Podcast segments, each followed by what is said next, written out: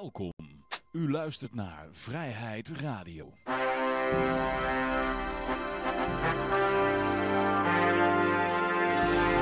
Ja, dames en heren, jongens en meisjes. Dit is weer een nieuwe aflevering van Vrijheid Radio. Leuk dat u luistert. We zitten hier gezellig in Café Libertaria met op dit moment uh, Peter en ik. Mijn naam is Johan. Uh, wellicht schuiven er nog andere mensen aan. Uh, Lucas stelt een heel cryptisch bericht. Hè? Als ik ga sporten, kom ik na het sporten of zoiets? ja. ja, nou ja, we zien wel. Uh, nou ja, goed. Uh, laten we even met de gebruikelijke dingetjes uh, beginnen. Ehm, of Josje komt, weet ik ook niet. Maar ja, goed, die zal waarschijnlijk een leuk avondje hebben ergens. Um, ja, laten we gewoon met de, de, het vaste rubriekje beginnen. We geven weer e-guldens weg. wat je daarvoor moet doen is, wanneer het rad verschijnt, dan druk je, als je op Twitch zit of Steam Elements, dan typ je uitroepteken Ron Paul in de chat. En dan maak je kans op uh, ja, 10 egel. Dus vorige week was het gewonnen door Zomaar Kijken. Die heeft als het goed is uh, de 10 egels uh, gehad. Ik weet niet wat ze nu waard zijn, maar het zal wel rond de 3 euro zijn.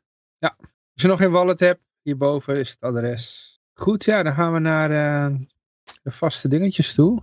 Goud, zilver, nou in ieder geval goud, olie, bitcoin en de LP-agenda.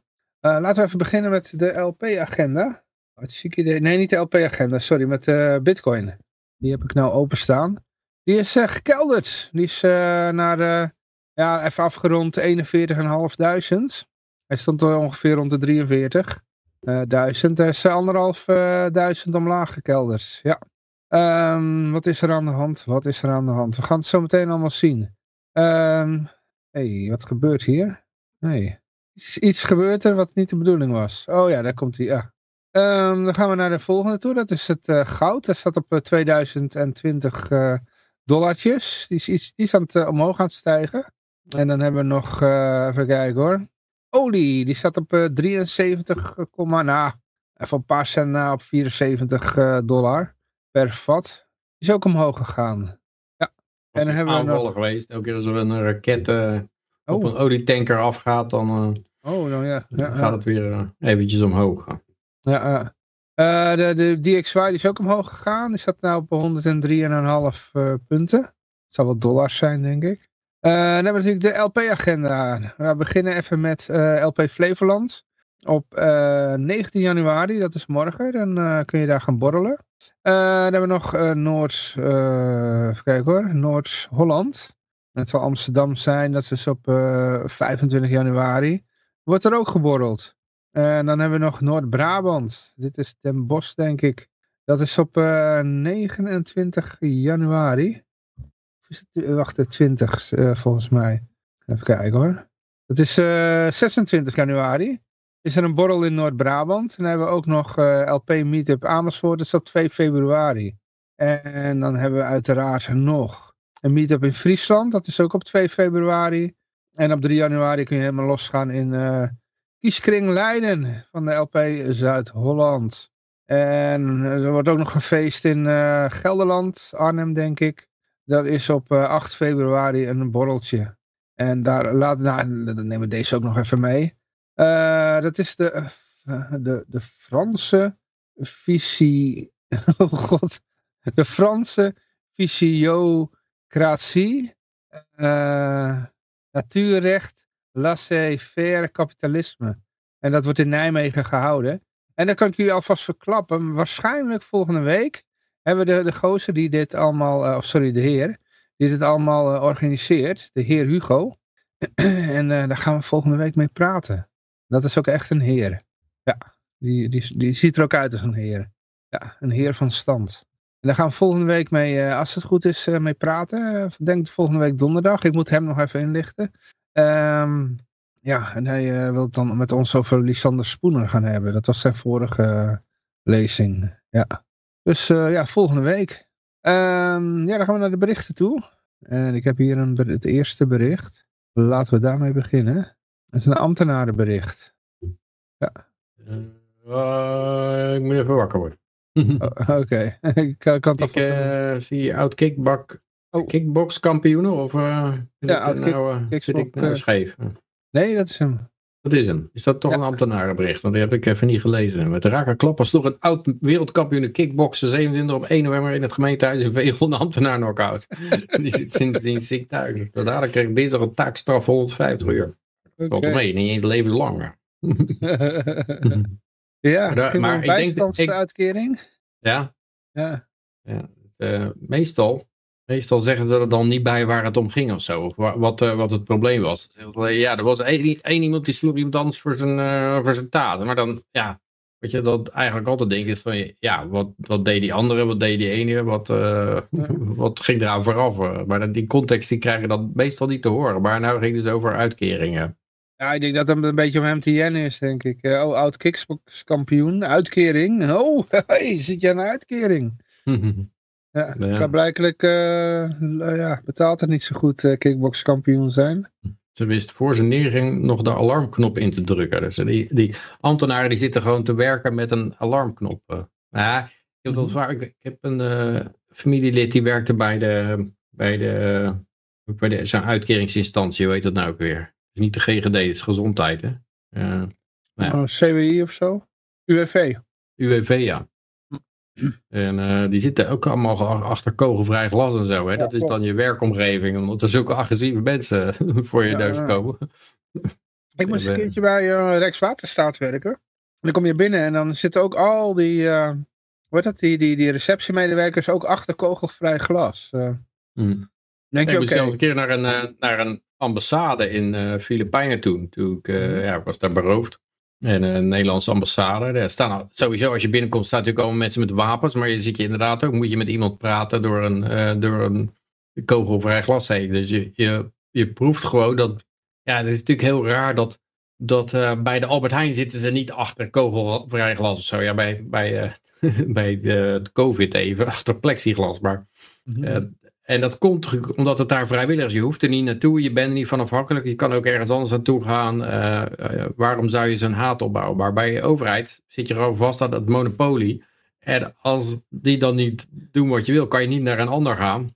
Daarom uh, lokt dat zoveel agressie uit. ook die agressie tegen, tegen wat heb je nou? Tegen hulpverleners. Dat is ook zo vaak iets. ja, ik vraag ook altijd af wat daaraan vooraf ging. maar ja, het, dat werkt op een rare manier. Je kan, als je gewoon op vak naar kijkt, zeg je van ja, uh, wat is het nou voor belachelijks dat die mensen zo uh, uh, gaan gewelddadig worden. En dat is natuurlijk ook wel zo. Maar het is wel interessant dat het juist daar gebeurt en niet op andere plaatsen. En dat komt omdat het een geweldsmonopolie is. dat is een verband wat, wat niet veel mensen leggen. Nou, ik denk dat geweld met hulpverleners, zeker ambulance medewerkers, denk ik dat het komt doordat... Uh, Kijk, hun volgen allemaal protocollen, zeg maar. Hè? Dus die, uh, die komen aan op een uh, plek en dan, dan, lopen ze zelf allemaal protocollen af. Van, van mm. ja, dat, hun weten dat is de beste manier om een situatie op te lossen. Maar ja, die, die mensen die staan eromheen, die, die daar zijn. En ze hebben een zieke vriend daar op de grond liggen. Uh, neem hem mee. Hup, ja, neem hem mee. Of doe, gaan we mond-to-mond beademing doen. Ja, terwijl hun protocol zegt dat niet meteen doen. We moeten eerst zeker mm. weten of die of dat moet, weet je wel. Of dat stik is. en dan gaan mensen... Ziet dat hij dat stik is? Oh, oh. Ja, dan gaan mensen agressief worden, weet je wel. Hm, ja. misschien dat dat het is, ja. Maar ik heb ook al eens gehad met een uh, verzekering. Ik kwam nog een dame van de verzekering. Ja, dat ging toch over uh, aardig wat geld. En die wilde controleren of het dan wel allemaal uh, goed zat. Dus dat, ja, dan ben je er ook van afhankelijk. Maar je hebt er wel zelf een verzekering bij afgesloten. En ja, dan, dan gaat het toch allemaal heel beleefd. En die komen ook niet binnen met twee gewapende figuren ernaast zetten of zo. Die komen gewoon computer. Ja, ik wil even horen wat er precies gebeurd is en dan bla bla bla bla. Dus uh, ja, het, uh, het, dus het is niet zo, ja, als het om geld gaat. Ja, je doet het bij je baas ook niet, dan gaat het ook om geld. Uh, maar dan ga je ook niet zeggen, nou, over het algemeen, als, er, als ik niet meer salaris krijg, dan, dan slaat je voor je knar. Oh, stond er nog veel meer in dat bericht wat de moeite waard is? Nee. Ja, het, is, het is ook zo, als jij in als jij uh, kickboxer um, gaat sporten, dan, dan zit er natuurlijk al wel een zekere agressiviteit in iemand. Als je zoiets, ik denk als je zo'n beroep kiest, uh, dat je dat uh, geen probleem vindt. Om, je bent je bent gedesensitiseerd voor geweld, lijkt Het kan ook zijn omdat je jezelf wil verdedigen tegen geweld. Ja. Dus ik wil mezelf kunnen verdedigen tegen het geweld van de staat. Maar ik mag geen vuurwapen hebben. Nou, dan gaan we kickboksen worden. heel goed kunnen lullen. ja. nou, het, ja, hoe dan ook. Je komt gewoon veel met, meer met geweld in aanraking als je dat gaat doen. Ja. En, kennelijk is het bij haar zo van, nou, ik heb een probleem, dat los ik met geweld op. Was het een zij, die kickboxer? Ja, hij voelt oh. zich het slachtoffer van uitsterfbeleid. Oké. De advocaat wijst dat Schijndelse komt van het woonwagenkamp in Sint-Oederode en kon daar niet blijven omdat er geen plek vrij kwam. Ze voelt zich slachtoffer voor het uitsterven. Ze voelt zich vanwege haar afkomst al niet serieus genomen door de gemeente. In het gesprek werd het nog erger. Zo werd, er werd zowel verbaal als fysiek klem gezet. Oké. Ja, was laatst ook in de, ik weet niet of je dat filmpje gezien hebt in Amerika, zo'n rechtszaak. Uh, ook zo'n vent die ellenlang strafblak had. En die, op een moment stond hij vrij rustig van, ja, nee, maar uh, ja, ik vind het niet eerlijk uh, zoals hiermee omgegaan wordt. En het andere moment nam hij opeens een duikvlucht naar de rechter ja, Ja, ja, ja, ja, ja. Er zijn al memes van, hè? En dan begon hij er ook op in te hakken, zeg maar. Ja, ja, ja, ja. Die vloog letterlijk gewoon door de lucht. Vanuit de stilstaande positie ging hij gewoon twee meter de lucht in en dan viel hij op die rechter. Het zag er indrukwekkend uit. Ja, ja, nou is hij helemaal ver van huis natuurlijk. Die komt voorlopig niet meer vrij aan. Maar storms van debiteuren, crediteuren, weet je wel, van Jiske Vet, die zat er alleen maar over op te scheppen dat hij dat kon. Deze kon het. Mm. ja, ja, ja. dat is heel indrukwekkend, joh. Die springt gewoon, ja, dat, ja, dat moet je gewoon zien. Ja. Ja, het is wel raar dat, ik heb het, ja, het idee dat dit soort dingen nou wat vaker plaatsvinden. Gewoon omdat, uh, ja, de samenleving staat gewoon helemaal op scherp. Dat is, uh, ja, zeker in de VS is het nou, ja, ze hebben die, die Trump-verkiezingen, ik weet niet of je dat nog gevolgd hebt, wat er op CNBC gebeurde. Maar ja, Trump had natuurlijk zo enorme overwinning in, dat, in die caucus in Iowa, dat, die, dat ze na 1% van de stemmen al zeiden van, ah, Trump is het. ja, en en Rachel Maddow, dat is echt zo'n socialiste van de CNBC geloof ik, die wilde niet eens, we gaan niet eens zijn, zijn speech laten horen, want het is puur, uh, dit is eh, eh, erg fascisme. En, uh, en, en daar kwam ook bij van, ja dat vond ik ook wel mooi, ze zeiden ja de democratie die gaat ten onder, hè, want uh, Trump die wint. En het probleem is niet alleen Trump, het probleem is dat de bevolking hem wil. Dus, en, dus in één zin zegt ze dan van ja, ik ben voor democratie. En dan, uh, oké, ja, de democratie zegt dat, uh, dat ze deze verhuur willen. Ja, uh, dat, is, dat, dat is niet goed. dus, ja, ja, als je voor democratie bent, dan moet je overal voor staan te juichen. Want de mensen kiezen eigenlijk, anders ben je niet voor democratie. Ik heb wel eens met iemand, met iemand gesproken die dan heel, helemaal in die ja, mainstream media verhalen gelooft. Complottheorieën zou ik bijna willen zeggen. Maar uh, ja, ik had het over Trump en zo. En ik zeg, wat is nou precies het probleem? Want uh, bedoel, ze willen allebei hetzelfde. Biden, de democraten willen de macht hebben. Absolute macht. En ja, volgens hem uh, was er dan een uh, complot gaande van, van, van, van, van Trump. Dat hij allemaal mensen op de juiste plekken wilde hebben. Zodat hij de hele macht naar zichzelf kon trekken. En dan zichzelf als absolute heerser kon uitroepen. Zoiets. Mm. Ja, dat is nou volgens mij een complottheorie, hm. maar uh, goed. ja, het hele stomme is natuurlijk dat, ja. het hele stomme is als ze hem niet zo onredelijk hadden aangevallen met de raids op zijn huis, uh, allemaal rechtszaken en hoorzittingen en beschuldigingen die allemaal nergens van klopten en censuur. Uh, en als ze dat nou niet hadden gedaan, dan had hij waarschijnlijk niet gewonnen, denk ik. De, de enige reden dat hij, dat hij nou wint is omdat mensen gewoon zien van dit is super onterecht. En uh, nou wil ik wel eens even zien. Het lijkt wel bijna alsof ze hem eh, aan de macht willen hebben. Ja. En ik vraag me af of dat altijd zo gegaan is in de geschiedenis. Of Hitler ook zo aan de macht gekomen is. Zeg maar. dat, dat, uh, ja, dat ze ergens onbewust naartoe werken. Want ze zijn ook niet dom. het lijkt aan de andere kant ook wel of ze zichzelf niet kunnen helpen. Om, dit zo, zo, om, om hem zo in de, naar voren te schoppen.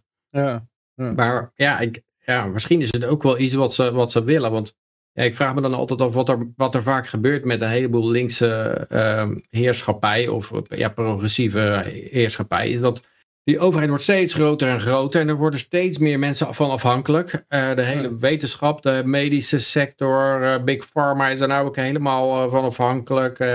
Al, dan heb je alle uitkeringstrekkers, heb je alle militairen, de grootste werkgever en de ene grootste werkgever, de politie. Die zijn allemaal afhankelijk van die overheid. En dan krijg je denk ik het, punt dat op een gegeven moment gaan de financiën natuurlijk scheef zitten. Dan kunnen ze dat niet meer, daar kan dat niet meer. Je kan die kleinere groep niet uh, uh, leegtrekken om die grote groep te bekostigen.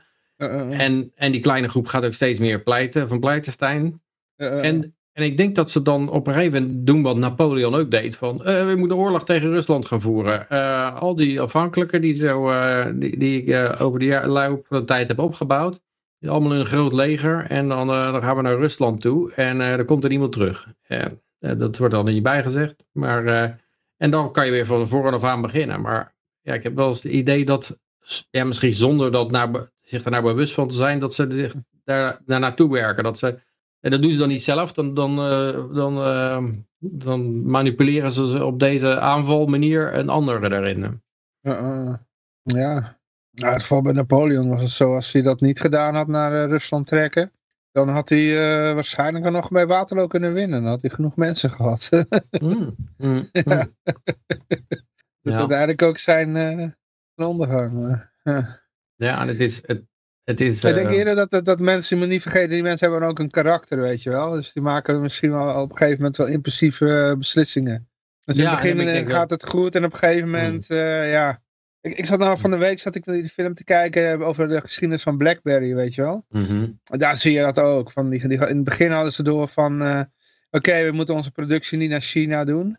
En aan het eind, uh, wanneer zeg maar eh, Steve Jobs met zijn iPhone, met zijn Blackberry killer komt, de iPhone. Mm ja, raakt die gozer die, die begon, die raakt zo ja, de klus kwijt daardoor. Dat die, uh, ja, die is helemaal ten einde raad of zo. En die maakt dan ook een stomme beslissing van... Uh, we gaan onze productie in China doen. En waardoor ja, dat je Blackberries krijgt die allemaal teruggestuurd worden. Omdat er mankementen aan zitten. Dus dan maak je juist impulsieve beslissingen. Dus ik denk van... Ja, we moeten niet vergeten, mensen hebben gewoon een karakter. Ja. en maken daardoor gewoon ook foute beslissingen. Oh ja, dat, dat, is, in... ja, dat was, daar werd ja. bij die film Napoleon ook een beetje op gegooid. Hij had een, een paar militaire successen in het begin. En toen werd hij zo over het paard geteeld dat hij dacht dat hij mhm. eh, de hele wereld aan kon. En uh, ja, dat is natuurlijk zo. Maar zo'n figuur wordt ook uitgezocht. Hè? Want, want die, uh, zijn Napoleon ook, die werd op het, op het, uh, naar de troon gehezen. Wat op, het, het was begonnen met het onthoofden van de koning. En geen, de despotisme du royalisme van die konings, dat willen we niet meer hebben. We zijn nou een republiek. En dan binnen no time zeggen ze tegen Napoleon, hey, ik denk dat jij je keizer, uh, dat we jouw keizer moeten maken. Wat denk je ervan? Ja, en dat is, ze, ze kiezen altijd een narcist uit. En een, een narcist die, die, uh, die kan dat niet weerstaan ook natuurlijk. En die gaat dat soort dingen ook doen. Dus ik kan nog steeds voorstellen dat dat een soort tool is. Maar het is een mechanisme, een, een sociologisch, psychologisch mechanisme. Wat, waar, mm. waar, waarbij niemand, het, uh, niemand bewust mee bezig is. Maar het is een soort onbewust spel. Waarbij de uitkomst wel altijd hetzelfde is aan het eind. Dat een hele hoop mensen dood zijn. Mm-hmm. En uh, die, die helemaal heel erg geloofde in een of andere figuur die, die, tegen, die, die tegen de gevestigde orde streed. Dat is met Hitler ook zo. Hè? Die was natuurlijk ook gevangen gezet in het... ja, nee, ga verder. Die was ook in het uh, uh, gevangen gezet in het begin. En, uh, en teruggekomen daarvan, zeg maar. Die werd, die werd eigenlijk ook geprobeerd eruit gemanoeuvreren. Je ziet het bij bij, uh, hoe heet die, uh, die uh, PVV'er, Geert Wilders, zie je dat natuurlijk ook. Die wordt ook overal buiten gehouden. En, en in België hebben ze dat ook geprobeerd met Vlaams Blok. Dus ze proberen altijd dit soort luiden buiten te houden. En, en dan gaan ze vanzelf groeien. En, en ze worden ook zelf altijd natuurlijk steeds corrupter. En ze, ze denken ook niet, we moeten wat gas terugnemen, want het, we zijn te ver gegaan en we verliezen de solidariteit. Nee, mhm. ze gaan gewoon double down. En iedereen kan zien dat het super corrupt is en dat ze, dat ze totalitair bezig zijn. Ja, en dan komt er opeens iemand die dan enorm gesteund wordt door het publiek om hem op, opzij te rijden. Maar die, die komt wel, die valt met in een gespreid bedje van een machtsapparaat wat totalitair is al. En dat gaat natuurlijk gelijk ingezet worden dan. Ja, zeker. Zeker. Ja, de tools liggen er al, hè, natuurlijk. Dus je hoeft nu echt alleen een... Pandemie, weet je, klaar. Ja, alles, oh. alles is er al. Dus er hoeft oh. nu maar één iemand te komen die, uh, die we eigenlijk nooit hadden gewild. Hmm. Ja. En dat komt omdat mensen het dan zo zat, zat, zat zijn. dat uh, de, de corruptie, dat ze dan denken, nou we nemen de figuur waar jullie allemaal de grootste hekel aan hebben. Dat, dat, dat, die kan het dan misschien, uh, als jullie die helemaal voor, voor, ja, voor van wegwalgen. Dan, moet het, dan moet dat de goede zijn die, die jullie als we die veel steunen, dan kan die jullie eruit flikkeren misschien. Ja, de sleepwet is er. Eh, alle data kan... Ja. Uh, ja. Ja. Nee, het is er eenmaal. Uh, ja. Je kunt zelfs goud en zilver, die, bij die, die was nooit weg geweest. dat ze je edelmetaal in beslag kunnen nemen. Ja, ja. Nou, ik weet niet of het, of het nou helemaal foutloos werkt. of dat ze misschien toch wel... Voor de vorm gaan ze nog even debatteren, denk ik. Nou, maar, maar, misschien dat ze, dat ze toch fouten maken en dat er wel iets misgaat of zo. Dat ze, ja, dat ze, ik kan me niet voorstellen dat ze helemaal feilloos altijd hun doel bereiken. Of dat het, uh... Ja, het is de overheid, hè. Ja. Nou ja, maar hier zijn ze toch heel goed in, hè. Het is natuurlijk, uh, ze, ze, het is een falende organisatie die wel, het wel gelukt is om uh, 60% van de economie in handen te krijgen. Met, met al dat falen. Dus eh, zo dom zijn ze niet. Nee, nee, nee. Het is, ze zijn alleen dom als je denkt dat ze proberen te bereiken wat ze zeggen te willen te bereiken. Dan je, nou, wat de sukkels, het, het lukt ze gewoon niet. Ja. Maar ondertussen worden ze ook wel steeds groter en sterker. Ja. En uh, dan gaat het nog over, hebben we nog over de, de, mening van de ambtenaar. Want ja, wie staat erop te wachten? Uh, in ieder geval de GS. Dat zal niet geen stel zijn, maar uh, ik denk de gemeenteraad of zo. tikken ambtenaren op de vingers vanwege klimaatpetitie. Ze moeten niet als ambtenaren met persoonlijke mening naar buiten treden.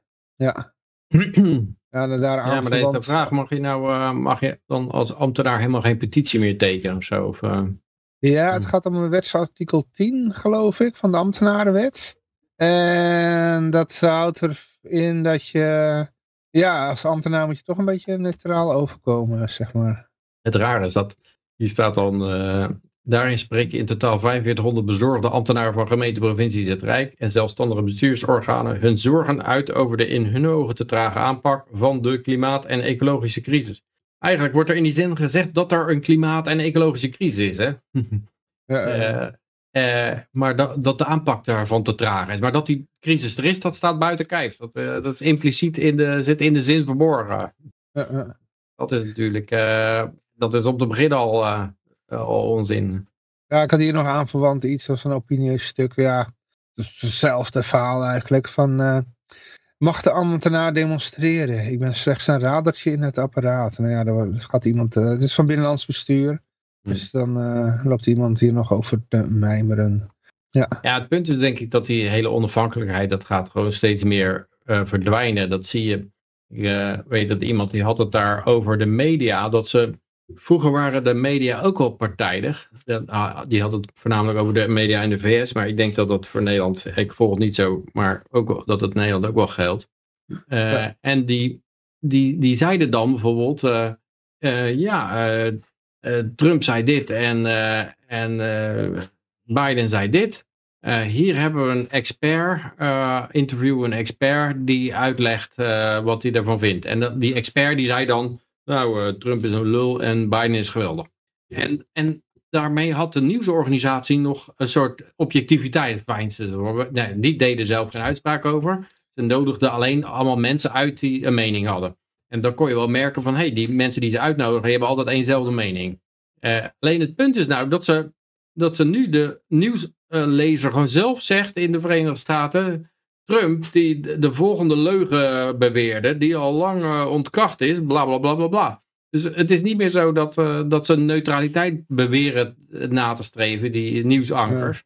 En dat, ze, dat het alleen maar de, de, de bias blijkt uit de gasten die ze uitnodigen en interviewen.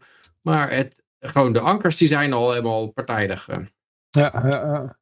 Ah, dat zeggen ze ook af en toe. Hè? In de, zijn er, eh, in het verleden jaar, twintig jaar geleden, was door notabene Her, Henry Sturman, misschien ken je die nog? Ja. Die had zo'n artikel in HP, de tijd geloof ik, over de, uh, dat het nieuws niet neutraal is. Maar dat het, de NOS is niet neutraal, maar het is heel erg links gekleurd. En daar had hij dan onderzoek naar gedaan en bleek bijna elk artikel of uh, nieuwsitem bleek een heel erg linkse invalshoek te hebben. Hm. En nou ja, daar was toen een debat over geweest, een discussie en dit en dat kwam uiteindelijk naar buiten dat de, uh, de, de, de, de, directrice of zo van de NOS, of directeur, ik weet niet meer, die, die zei, ja nee, het is niet mogelijk om uh, objectief te, te, te, zijn, dus dat gaat ons toch al niet lukken. En dat is recentelijk nog door de huidige, dat is wel een directrice, um, die, die zei, ja nee, ik, ik, probeer eigenlijk al niet eens meer objectief te zijn. ja, ik heb het ook gehoord. Van, ja, ja. ja, dat moet maar eens afgelopen zijn, die poging om objectief te zijn. ja, ja, ja. ja, ik stond ook, ook wel van te kijken, ja. Daar betalen we belasting voor. Ja, dat is, dat is inderdaad, maar het wordt steeds, steeds raarder dat ze nou zeggen van ja, we gaan gewoon, ja, dat, dat Trump van Twitter afgegooid werd en dat uh, die uh, artikelen over Hunter Biden's laptop, dat die gewoon weggecensureerd werden en geblokkeerd en zo. Dat was natuurlijk al vreemd. Maar dat ze nou zeggen van ja, we gaan de speech van de overwinnaar gaan we niet, uh, we gaan niks laten horen van hem. Want het is, ja, het is allemaal te erg. Ja, en en het, het, punt is natuurlijk dat als ze het zouden laten horen, weten ze het zelf ook wel. Dan, de, dan denken mensen waarschijnlijk van, nou eigenlijk heeft hij het zo slecht nog niet dus inderdaad wel een beetje een uh, probleem bij die, uh, bij die grens bijvoorbeeld. Uh, met, die, met al die vluchtelingen en asielzoekers die instromen. En, en daar zijn ze natuurlijk bang voor. Dus daar moet, kunnen ze alleen maar doodzwijgen. Maar ja, het lukt volgens mij in het internet niet. Zij hebben geen monopolie op informatie meer. Hm. Dus ja, mensen krijgen dat allemaal via andere bronnen te horen wel. Volgens mij CNN die streamde alles nog wel op, op hm. gewoon via internet. Ik heb er nog wel een stukje meegekregen. Maar er was vooral die speech van uh, Ramaswamy. Die, uh, die, die staat nou ook uh, Trump te promoten. Nou, ja. deed hij sowieso al. Maar die heeft ja. zijn strijd opgegeven. En is nou echt een... ja... Adjudant geworden. Ja, precies. Die stond echt Trump aan te prijzen. Alsof het twee voor de prijs, prijs van één mhm. aanbieding was. ja. Ja, ik heb, ik heb die Ramaswamy een aantal keer gehoord. En dan denk je, nou, hij, hij, klinkt best wel zinnig. Maar toen heb ik ook gehoord van iemand, ja, die standpunten, die, die hebben helemaal niks te maken met wat hij vroeger zei. Dus de vraag is, heeft hij een ontzettende ontwikkeling doorgemaakt? Of, uh, of lult hij gewoon wat, wat, het, wat het beste uitkomt? Zeg maar. En wat zei hij vroeger dan? Nou, hij is nu best wel weer vrijheids, of hij is best wel vrijheidsgezind. En uh, hij zegt, ja, ik noemde me vroeger ook een libertariër, maar dat is hij dan, dat zou hij niet meer zijn. En het was niet helemaal duidelijk uh, mij niet helemaal duidelijk waarom, waarom dat niet meer zo was. Bedoel je toen hij net met zijn uh, verkiezings... Uh, mee, mee, ging doen met de verkiezingen, bedoel je dat? Ja, en we hebben bij Dave Smith geïnterviewd. En nou ja, dan zit hij natuurlijk ook voor een libertarisch publiek. Maar, maar dan bereist bij mij een beetje de vraag nadat ik die geruchten hoor van ja, hij, hij kan gewoon heel goed liegen en meepraten met iedereen. Dus hij zit voor een libertarisch publiek en dan praat hij gewoon, uh, hij zegt ja, vroeger was ik ook een libertariër. Hij zal niet helemaal zeggen van nou, ik ben een libertariër, dan valt hij door de man. Maar uh, en... Ja, daar, daar, is wel bewijs van. Ik heb wel hele oude filmpjes van hem gezien. Hmm. Dat hij uh, toen nog echt uh, op, toen nog op school zat, zat hij in het publiek, zat hij uh, Ron Paul te verdedigen. Ja. Hmm. Dus, dus dat, dat, klopt wel. Dus, hmm. Nou, het, het, het, kwam op mij wel oprecht over. Dus ik was een beetje verbaasd toen ik hoorde van mensen van, ah, als je hem voor een groep, groep socialisten neerzet, dan, dan, dan denken die allemaal van, oh, dat is best wel een goede socialist. Maar zo, ja. Eh, hij, eh, ik kan me hartstikke voorstellen, want hij gebruikte niet alleen slogans of zo, maar ook wel goede argumenten. En, uh, ik denk dat ik er ook wel, ook wel maar hij, denk ik, uh, ik denk wel dat hij zo, zo minagistisch is hoor. Ja, ja. ik heb ook nog een, een mm. discussie met, tussen hem en Ron Paul gezien. Mm. En dat, ja, dan was hij toch wel, uh, ging niet helemaal all the way, maar uh, toch van... Nee, zeker niet. Van hij wilde de kleine de oorlog weer, geloof ik, Israël Israël stond hij ook weer uh, achter, dus ja. Ja, maar hij wilde Israël geen uh, steun meer geven. Hij zei, ja, ze zijn nou volwassen, moeten op eigen benen staan. Uh, dus die, die vond dan van, nou, die moeten net geen... We, we, steunen hem nog wel, maar niet financieel meer of zo. Dus dat, mm. zoiets was het. Oh, kijk, ja. ook niet.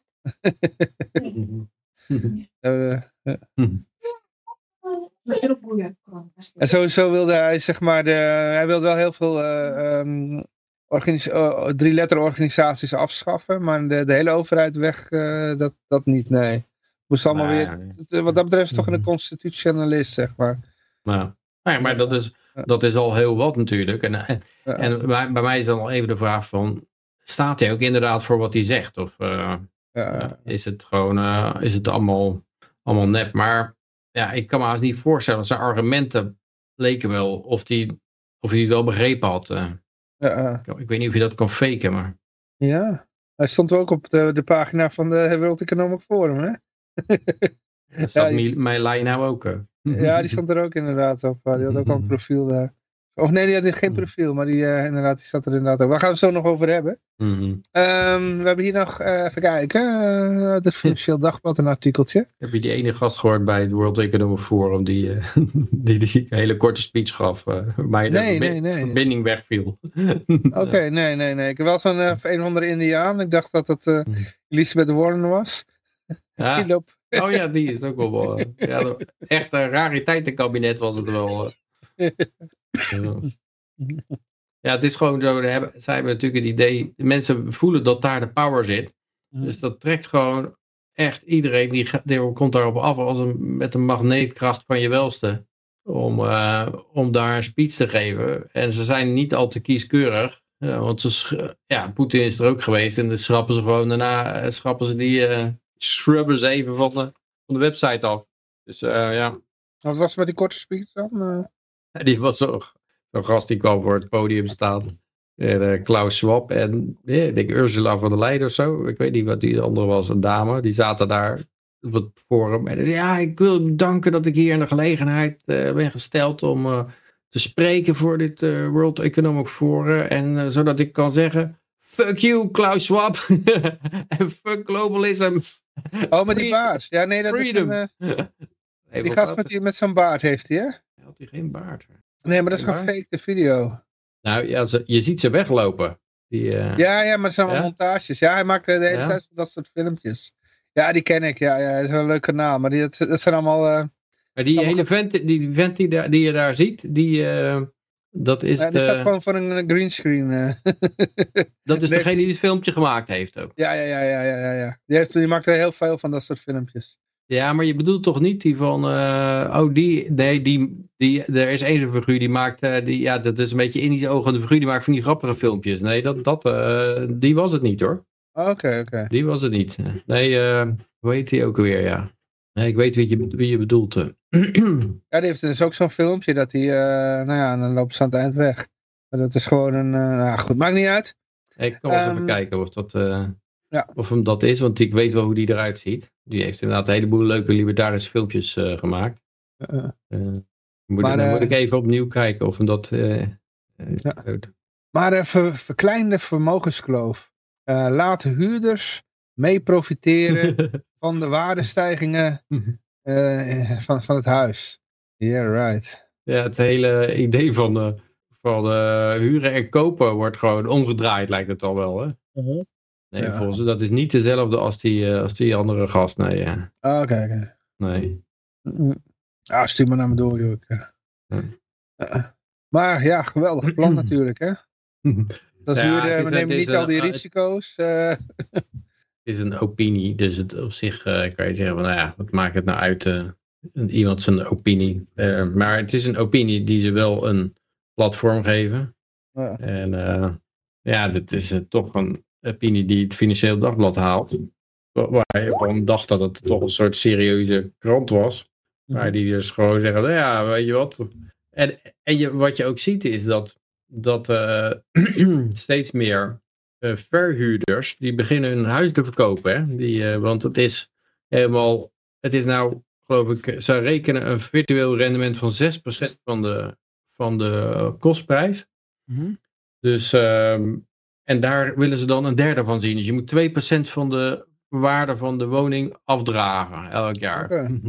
Of je hem nou verhuurt of niet ook. En, en die hypotheek kan je niet in mindering brengen. Voor, uh, uh, die, die, kan je maar gedeeltelijk in mindering brengen. Want daarvan wordt uitgegaan dat de rente maar 4% is geloof ik. Of 2% zelfs. Dan kan je maar voor 2% in mindering brengen. Okay. Dus al die verhuurders beginnen huizen te verkopen. En dan gaat de huur heel hard omhoog. Want het aanbod wordt nou steeds minder. Mhm. Dus gaat die huur omhoog. En uh, ja, dat heeft natuurlijk weer het tegenovergestelde effect. Want het was de bedoeling om huurders te helpen, geloof ik, hiermee. Of, of de instappers en zo. Nou, de hele huurmarkt om Maar die mensen die gaan waarschijnlijk geen huis meer in Nederland kopen om te verhuren. Want ja, dat, uh, dat dan, je voelt gewoon dat je aan alle kanten genaaid wordt door de overheid.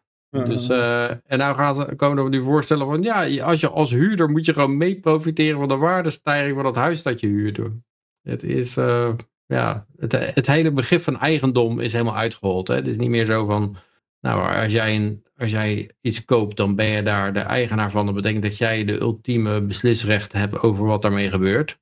Nee, Mhm. het is gewoon, eh, gewoon helemaal uitgehold. En dat is natuurlijk ook de, de Klaus Schwab Stakeholder Society. Hè? Want dat is natuurlijk zijn, zijn grote verhaal over de New Industrial Revolution. Is dat je, dat je geen aandeelhouders meer hebt die de eigenaars zijn en die bepalen wat er gebeurt. Nee, de, het eigendom wordt er voor een gedeelte opgedeeld naar andere stakeholders. En dat kan dan de, planeet zijn. En dan heb je dan een stel planeetgekkies die daar dan eh, namens spreken namens de planeet. En dat kan, eh, weet ik veel, de aliens zijn. En een paar gekkies die spreken namens de aliens. En, Oeh.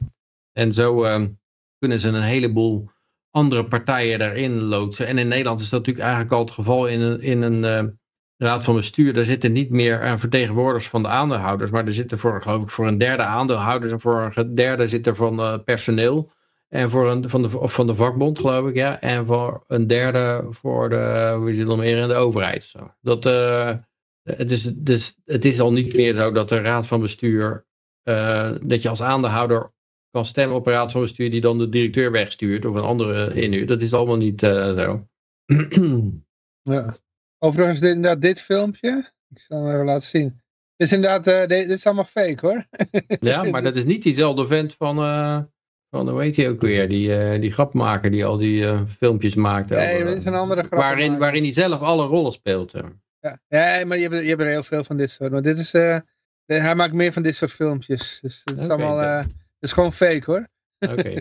Deze, deze vent ken ik niet. Dat wil ik wel even. Oké, ja, ik heb Heeft, hij een eigen YouTube kanaal? Of, eh? Ja, op Twitter, je kan hem gewoon volgen. Dus, eh, Hmm. dus, eh, ja, maar ik heb wel meer van hem gezien. Dus, Hmm. ja, hij is, wel, hij is wel leuk. ja.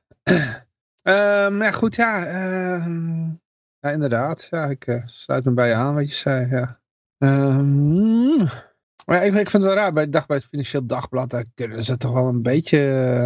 eh hebben ze kunnen toch wel een beetje economie?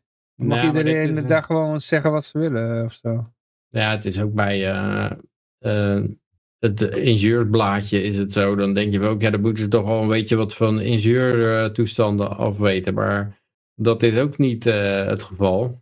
Eh, het is gewoon allemaal beleid gestuurd geworden. En eh, waar, ko- waar komt het geld vandaan? En eh, Oké. ja, daar... eh, Kan je in één keer een boomknuffel eh, artikel lezen? Nou, het is gewoon allemaal van, eh, ja, er komt een nieuwe subsidie beschikbaar voor een dijkproject X of Y, of een groene auto, of een eh, zonneauto, of een... en ja, eigenlijk zeggen ze ingenieurs van hier moet je op richten voor als je geld wil hebben, dan, dan, dan, is, dan gaat het hierom. eh. maar het is niet, er worden niet meer technologische oplossingen besproken die ergens op slaan. Nee, Ja. Hm. Nee, maar in ieder geval we hebben wel D66-Kamerlid die, ehm, die wil de kwaliteit van de zorg omlaag voor kortere wachtlijsten. Ja, natuurlijk. Slim, hè? ja. ja, je wordt gewoon gelijk naar buiten, als je gelijk naar buiten geschopt wordt, dan is de kwaliteit heel laag, maar de wachtlijsten worden heel kort. Ja.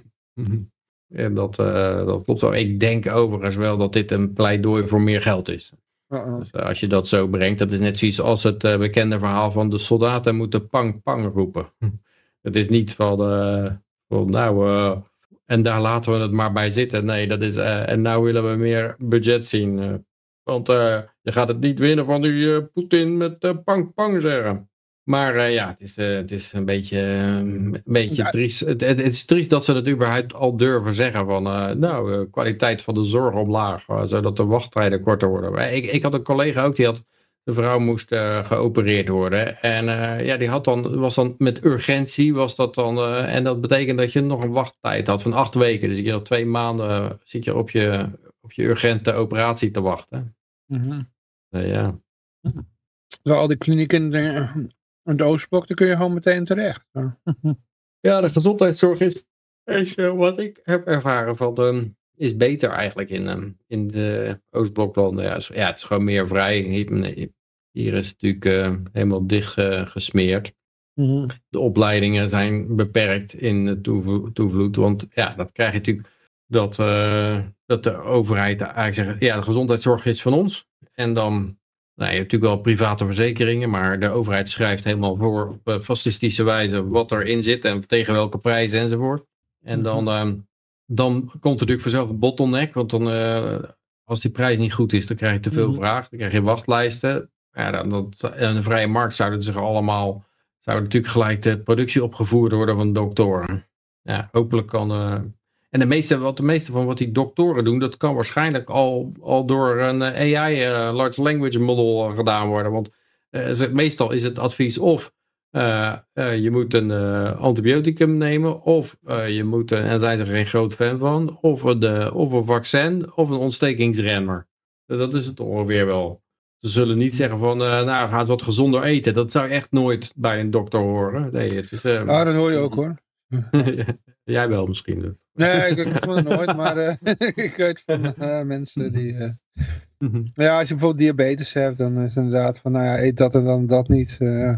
Mm.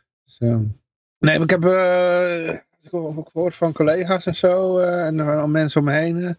als ik af en toe de verhalen hoor over wat, wat in de zorg aan toe gaat. Ik heb dan van iemand ik dat de man die is... nou, die had begon met een nagel die ingegroeid was of zo, dus die moest naar een pedicure. En die had kennelijk de materieel dat ze had niet zo goed gedesinfecteerd. Dus daar ontstond een ontsteking. En het teen was een beetje zwart. uiteindelijk moest het geamputeerd worden. En amputeren ze eh, dus in plaats van uh, de teen werd het, het, verkeerde been geamputeerd. Kennelijk uh, last die... Uh, teen, been? Ja, die last het verkeerd en dan ook nog niet eens de goede, de andere been. Dus hmm. toen was het, oh nee, de andere been had geamputeerd moeten worden. Oh, dus nee, het was een teen. Dus, nou ja, andere been werd geamputeerd. Dus die heeft nou gewoon allebei de benen weg. En uh, niks vergoed of zo, hè? want uh, dan houden ze allemaal handje, elkaar het handje boven het hoofd, want zo gaat het dan ook daar. En ik dacht bij mezelf van, nou, dit kan toch niet. Dus ik, toevallig ken ik iemand die zit in de schadeclaims. Dat klinkt wel heel erg inderdaad. Ja, bij de verzekering. En ik, ik zeg zo van, uh, is dit zo echt in Nederlandse ziekenhuizen? Ja, dit is heel normaal, zegt hij. Het gebeurt zo vaak en ze houden allemaal elkaar een handje boven het hoofd. Je kunt er ik niks heb het ook een keer gehad. Uh, ik moest een behandeling gaan en ik hoorde net voor, ik kreeg een, een of andere roesje zou ik kan krijgen. Ik had dat roesje al gehad, maar ik was nog niet weg. En toen hoorde ik dat ze de verkeerde behandeling gingen doen. Oh, oh, oh, zei toch. dus het is al... Uh, het is ja. ongelooflijk. En er staat, er staat hier, D66 heeft ook het probleem vastgesteld, want de zorg is ingericht voor de witte man. De witte man. Oh, ja, het is helemaal voor de witte man ingericht. Ja, en die witte man die wordt ook helemaal, helemaal tot uh, wanhoop gedreven, geloof ik. Hè? Dat is ook een beetje zo van... Uh, ja, die gaan we zo tergen dat er op een gegeven moment... Dat die flipt. Mm -hmm. Is dit de dader hier, die, die foto eronder? Dader? De dader van dit artikel? Um, oh, een grijze vrouw met zo'n bril? Nee, dat is Kaag, die grijze vrouw die, die daaronder staat. Oh, oké, oké. Ik, ik weet niet eens hoe ze allemaal eruit zien. Hm. Die overal geprezen werd omdat de staatsschuld zo afgenomen was of zo. Maar uh, dat is toch ook de hoogste staatsschuld aller tijden. Zo allemaal buiten de boeken gehouden. Oké. Mm -hmm. um, dan gaan we naar de volgende toe. Diarree dreigt op te rukken door klimaatverandering. No shit.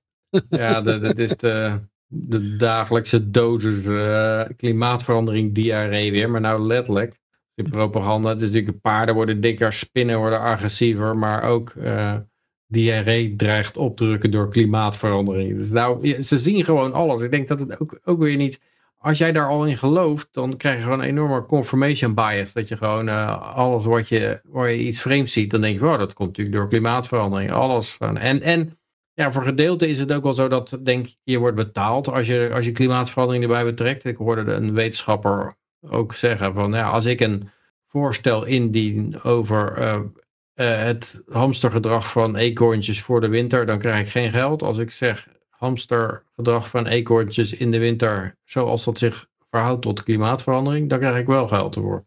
Want er zitten bij die mensen die geld uitdenken, die hebben gewoon zo'n bullshit bingo. Hè, van pak dit, deze thema's. Ja, pakte die thema's. Ja. Boom, die krijgen, die krijgen geld. En als je dat er dan niet in doet, niet. Dus je moet, uh, ja, je moet die hele die, uh, ja, je moet dat, uh, de hele bullshit bingo uh, aanvullen. En, en dat betekent dat zo'n zo'n artikeltje, ja, dat is, dat is gewoon tick the box. Point. Ja, Het Amsterdam UMC ontvangt miljoenen om de toename van diarreeziekte te stoppen. Nou, ja, je hmm. schrijft er gewoon klimaatverandering in en dan komt een media die zeggen van, die schrijven een artikeltje over. En ja, zo gebeurt dat. En de, en de burger die leest het allemaal. Die denkt, ja, het is inderdaad echt een probleem. Ik heb nou zo vaak gehoord van zoveel kanten. Het kan toch niet allemaal uh, gelogen zijn? Nee, het is echt als je, het, als je het geld controleert, dan, dan kan je de hele samenleving sturen. Dan, uh, ongelooflijk. Hm. Hadden we nog lagassief of zo meteen komen, hè? dan moet je overal in alle artikelen moet het woord UFO komen. Ja. je bent natuurlijk een ontkenner als je, dat, uh, als je ze ontkent. Ja, ja, ja. Oh, er is globale aanpak nodig. Dat is natuurlijk ook altijd bij de globalisten van, oh, dit, dit probleem kan je niet lokaal doen. Dus je hebt een wereldregering nodig die wereldwijde macht kan uitoefenen. Uh, want, uh, nee. En natuurlijk ook de rotavirus wordt erbij gehaald. Uh, en het oh, eindigt met het, nieuwe rota? eindigt met het rijksvaccinatie. Rota was dat niet gewoon het diarreevirus? was dat Nora? Was dat, Nora, denk ik, ja. Ja, ik weet niet. Maar Rota heeft weer een nieuwe hype of zo. Ja, Disease X is de nieuwste hype, dacht ik. Maar, uh... oh, Twitter. oh, dat is ook wel apart, ja. ja, die link. Disease X. Ja. En er worden enorm op Twitter afgegeven. Ze zijn volop in de aanval op Twitter. Uh, alle kanten. Ja.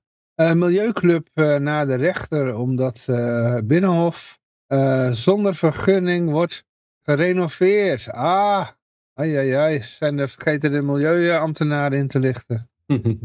Die hebben ze nog Het is wel maf dat ze dan ook zogenaamd in ieder geval last krijgen van hun eigen regels of zo. Dat is ook altijd het verhaal net zoals Willem-Alexander betaalt geen belasting. Zo, want de regels gelden voor iedereen. Dus ook de mhm. regelgevers moeten zich aan hun regels, regels houden. En dan, uh, maar het zal die lui werkelijk een worst wezen of die renovatie nog een half jaar langer duurt en nog... Uh, 50 miljoen meer kost of zo. Dat, daar, daar, zit, daar, uh, daar liggen ze niet wakker van. Er wordt nog wat in de chat gezegd, maar uh, we gaan het er zo over hebben, Flabbergast.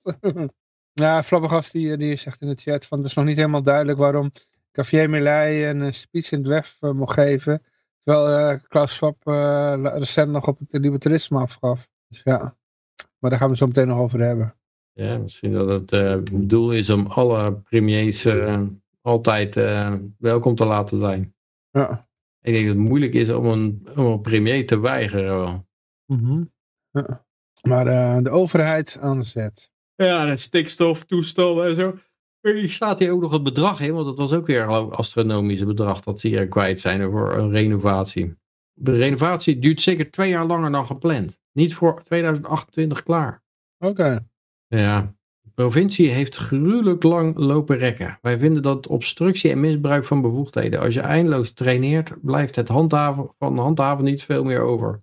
Het beroep zelf zal niet mee, meteen veel veranderen, verwacht Wolsten. Een uitspraak is op zijn vroegst een half jaar tot een jaar in het MOB. Maar ze kunnen natuurlijk, net wat je zag met die pandemie, kunnen ze gewoon binnen twee dagen uh, Willem Engels een, uh, zijn uh, rechtszaak ongedaan maken met een noodweetje. Dus ja, dat, dat beroep is die snelheid is altijd een beetje geveinsd dat ze, als ze willen. kunnen, ze dat, uh, kunnen ze dat heel snel doen. Maar ik denk niet dat ze het willen, want iedereen vindt het wel best zo. Die ondernemers die, eh, die, die declareren gewoon lekker door. Oh. Dus ja, ik moet die mensen gereserveerd houden, want ja, anders dan gaan ze ergens anders aan werken. En dan, dan gaat het weer een tijd duren. Oh nee, blijf ze dan maar doorbetalen. Dus die lui die zitten gewoon de hele dag een beetje Netflix te kijken. betaald. Ja. Maar ja, het is ook wel weer grappig dat de provincie dan uh, zegt, hey, de uitstoot van stikstof bij renovatie moet omlaag. Alsof als je daarna gewoon mee zou doorgaan, hè, je zou gewoon doorgaan. Zou de, zou de provincie dan uh, gewapende mannen erop afsturen om uh, naar het binnenhof? Dat zou wel mooi zijn. Dan gaan gewapende mannen van de provincie naar het binnenhof om, om het stil te leggen. Mm -mm. Nou, ik heb laatst bij de LP nog een paar libertariërs gesproken die ook werkzaam zijn bij, dan, uh, bij de overheid. En die, dan, uh, die zat er met elkaar zo te verhardsten over de, hoe, uh, hoe daarom de regels ook overtreden werden, weet je wel. Van, ja, als gewoon ondernemer dit zou doen, dan stonden meteen, had hij meteen allemaal boetes gekregen. Maar ja, de overheid die doet het wel gewoon, weet je wel. Ja, ze gewoon totaal ja, nee, als, ze, als ze het willen, dan houden ze zich helemaal niet aan hun regels. Ja, dat, dat, ja. dat, dat is wel bekend. Uh, ook die maximale termijnen van ze moeten binnen die termijn reageren of zo. Dan, uh, dan doen ze dat niet. En dan, uh, dan zeggen ze, nou ja, span maar een rechtszaak aan. Dat duurt ook negen maanden. Succes ermee. -huh. Maar de overheid is aan zet, zegt het artikel. Even kijken. De overheid is aan zet. Um, om gezondheid, gezondere keuzes makkelijker en goedkoper te maken. Helpt, het helpt. Plannen van de overheid om overgewicht, rook en drankmisbruik tegen te gaan werkt tot op heden niet. Dat blijkt uit onderzoek van de RIVM. Is het daarom tijd dat de overheid ingrijpt? dit is al heel mooi dit hè. De overheid grijpt in, maar het werkt niet. Dus plannen van de overheid. dat de overheid inwerkt, ja, ja. ingrijpt. Meestal doen ze daar nog een zin tussen of zo. Want dan doen ze een paragraaf en dan verder gaan ze weer vanuit zoals het wel vergeten zijn. Nou gaan we de overheid moeten ingrijpen. ja, de overheid faalt, moet de overheid ingrijpen. maar uh, het helpt als de overheid de gezonde keuze, de gemakkelijkste, goedkoopste keuze maakt. Dat is het nutsverhaal hè, van, uh, van uh, hoe heet je ook weer, die, ja, die, ja, namen, ja, die, die, die ja, die heet ook, heet hij nou ook Epstein of zo, Weinstein of, nee, die heeft, dat, die heeft dat zijn boek over geschreven en ook gezegd van, nou ja, je moet gewoon uh, de, de default keuze, moet je gewoon jouw keuze maken. En de mensen hebben geen zin om het door te lezen en die gaan wel met de default mee, want het zal wel goed zijn. En zo krijgen ze gewoon allemaal in jouw, uh, in jouw uh, zonder, zonder direct dwang en geweld te gebruiken in jouw straatje. En dat zegt deze meneer eigenlijk ook. Maar weet al wat, wat er bij de overheid ook gebeurt, en het, ja, ik kom ook vaker terug tot het boek Redirect van Timothy D. Wilson, waarbij dan de, een hele sterke straf of beloning wordt gegeven om gedrag te veranderen. En wat je dan ziet is dat mensen in hun hoofd alleen maar de conclusie trekken van ja, ik verander alleen maar mijn gedrag vanwege die beloning of die straf.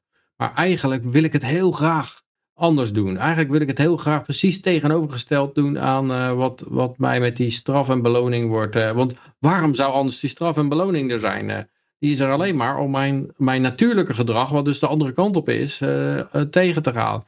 En dan krijg je dus dat mensen uh, bij, bij hele sterke stimulansen om niet te roken en geen drank te gebruiken, het idee krijgen van, oh, dat moet wel heel lekker zijn. En, en dan juist extra daaraan verslaafd raken.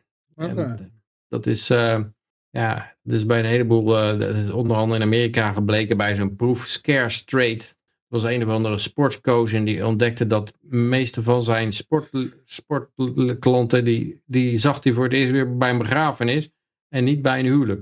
Dus zei hij, ja, het is allemaal gang, uh, gangs hier en uh, weet je wat, ik ga ze een, uh, een programma in de lucht helpen en dat heet het Scared Straight programma. Dus je gaat ze zo angst aanjagen dat ze de rechte pad op gaan. En dan ging je met die uh, jonge kinderen naar het lijkenhuis toe. En dan trok je zo'n lade open. En dan zei je, ja, als je nou weer bij een gang gaat, dan kom je hier in te liggen met een labeltje aan je teen. En dan werd het werd allemaal heel eng, eng neergezet. En we hadden gevangenisbezoeken. En uh, dan wil je toch niet terechtkomen. En bleek dat al die kinderen die naar, door die programma's gemalen waren, dat die een grotere kans hadden om bij een gang terecht te komen. En een grotere kans op allerlei verslavingen. Juist omdat ze waarschijnlijk dachten van, oh kennelijk is dat mijn toekomst dan. Als ik hier zo tegen gewaarschuwd moet worden, is dat, is hmm. dat de toekomst waar ik voor weggelegd ben. En uh, daar rolden ze dan moeiteloos in. Ja. En dat, daar kwamen ze pas na 30 jaar achter, want ze hadden dat programma wel ingevoerd, maar ze gingen er zo van uit dat het werkte, dat ze het nooit getest hadden. Ja, ja, en uh, ja, dus dat bleef gewoon de hele tijd doorlopen. En ik heb het idee dat dat uh, vaak het geval is bij, bij de overheden. Dat ze ja, dat ze uh, gewoon door blijven gaan met van die beloningen en straffen, zonder dat ze doorhebben dat het, dat het uh, tegendraads werkt. Ah, inderdaad. Ja, ja. Hmm. En ze hebben dan een heleboel proeven in dat boek bespreken, allemaal wel interessant met groepen kinderen ook. Heb je twee groepen kinderen en die die mogen dan met al speelgoed spelen, maar er zit er één speelgoed bij, de robot. En dan mogen ze dan niet mee spelen. En dan zeg je tegen die ene groep, zeg je, de robot, dan mag je, je mag met alles spelen, maar niet met die robot. En tegen die andere groep zeg je het nog wat harder.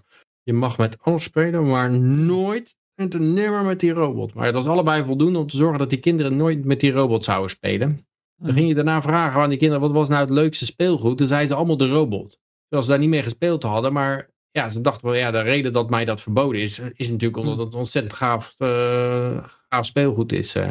En er bleek ook dat die kinderen die het, het hard verboden was, later meer logen. En uh, omdat ze, ja, dat, dat was me niet helemaal duidelijk wat, wat hij daar nou als uitleg voor had. Maar als, een half jaar later kregen ze nog de gelegenheid om een test te doen. En dan, dan kregen ze de gelegenheid om, te, om vast te spelen daarbij. Dan bleek dat die kinderen tegen wie heel hard verboden was, dat hij ook wat meer vals speelde. Ik hm. weet niet precies wat daar de gedachtegang achter was, waarom dat was. Maar er zijn al een heleboel voorbeelden van allemaal dat soort uh, psychologische dingetjes. En ik heb het idee dat dat ook gebeurt met, ja, Trump is een fascist, daar mag je zeker niet op stemmen. Ja, Oké. Ja. nou, dan moet ik dat wel heel graag willen of zo. Dan moet ik wel heel veel van die man houden. ja, wat ik aan moest denken was van, kijk, mhm.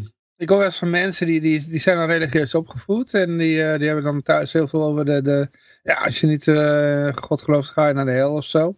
En uh, die worden dan later atheïst. Ik, ik weet niet hoe het bij jou gegaan is. Maar, ja. Ja, ook een beetje zo, denk ik. Ja. Terwijl ik, ik, heb dat, ik ben ook christelijk opgevoed, maar ik, ik heb nooit... Mijn, mijn moeder was altijd zo van... Nee, je moet alleen maar over de positieve kant van God hebben. Dus, God is liefde en uh, die houdt hartstikke veel van je. En nou, die, ehm, dus thuis heb ik alleen maar de positieve dingen. Over de hel werd helemaal niet gesproken. Hm. dus ja, ik heb daardoor om een van de reden geen ja goed, ik ben er ook niet echt in, actief, maar uh, actief mee bezig. Maar ik heb geen negatief uh, beeld of christendom daardoor.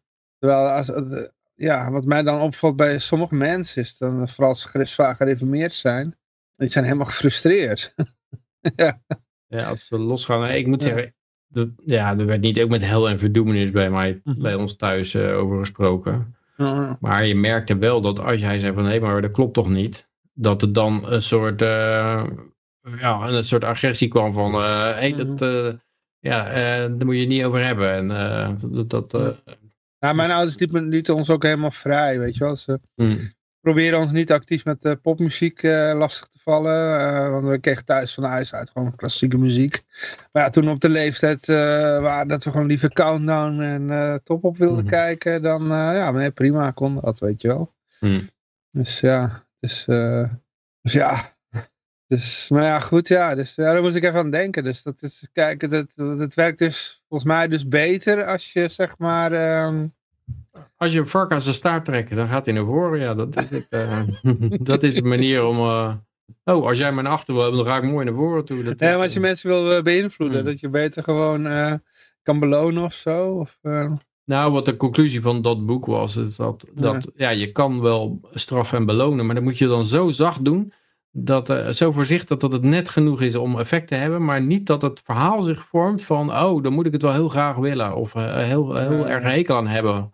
Dus dat het niet wordt dat die beloning en die straf als oorzaak uh, gaat binnensluipen van waarom jij je gedrag verandert moet eigenlijk ongemerkt, je moet stiekem een beetje bijna uh, naar binnen sluipen. Dat was zijn conclusie dat dat het beste werkte. Maar ik moet zeggen, ik heb dat gevoel zelfs met Trump ook al een beetje. Dat die wordt dan zo onterecht uh, overal aangevallen. Met zijn Mar-a-Lago uh, raid en over zijn documenten die dan daar liggen. Terwijl iedere president documenten had mee naar huis genomen. En bij Biden lagen ze gewoon in de garage. stonden ze op de foto en Terwijl er een Chinese zakenman daar vlak daarnaast uh, de gast was, terwijl Hunter Biden helemaal uh, oud was uh, aan de drugs. Ja, ja. En, zodat hij alle tijd had om alles te fotograferen wat er in die garage aan documenten was. ja, en daar wordt dan niks over gezegd. En dan denk je van, jee, wat dit is zo onterecht. Die twee jaar lang Russian collusion hoax en zo. En, en dan ga je vanzelf ga je hem sympathiek vinden. Terwijl ja, verder heb ik helemaal niks gemeen met die man. En ik heb ook helemaal geen geloof erin dat ook iets gaat veranderen. Het hele budget dat gaat even hard doorgroeien als wanneer dan ook. Misschien iets minder oorlogen als je zijn eerste termijn mag. Maar hij gaat ook de swamp zeker niet drainen. Want ja, of hij moet ontzettend veel geleerd hebben op zijn hoge leeftijd. Maar, maar eigenlijk uh, heeft hij natuurlijk gewoon oh, John Bolton benoemd. Hij heeft al die, al die swamp creatures heeft hij gewoon uh, een baan gegeven. -hmm. En Fauci, was gewoon één grote swamtoestand. Hij, iedereen die hem werd aangedragen, die moet je nemen. Die staat heel goed bekend. Nou, die, die, die benoemde die dan gelijk. En dan had hij weer een swamskrietje erbij. Want ja, die werden voorgedragen. Ja.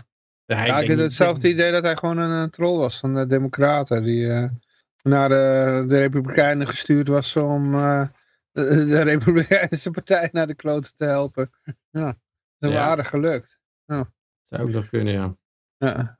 Maar ja, maar de, maar de Democratische Partij gaat ook naar de kloten. Die, die is nog meer naar de kloten, geloof ik, nou dan de Republikeinse partijen.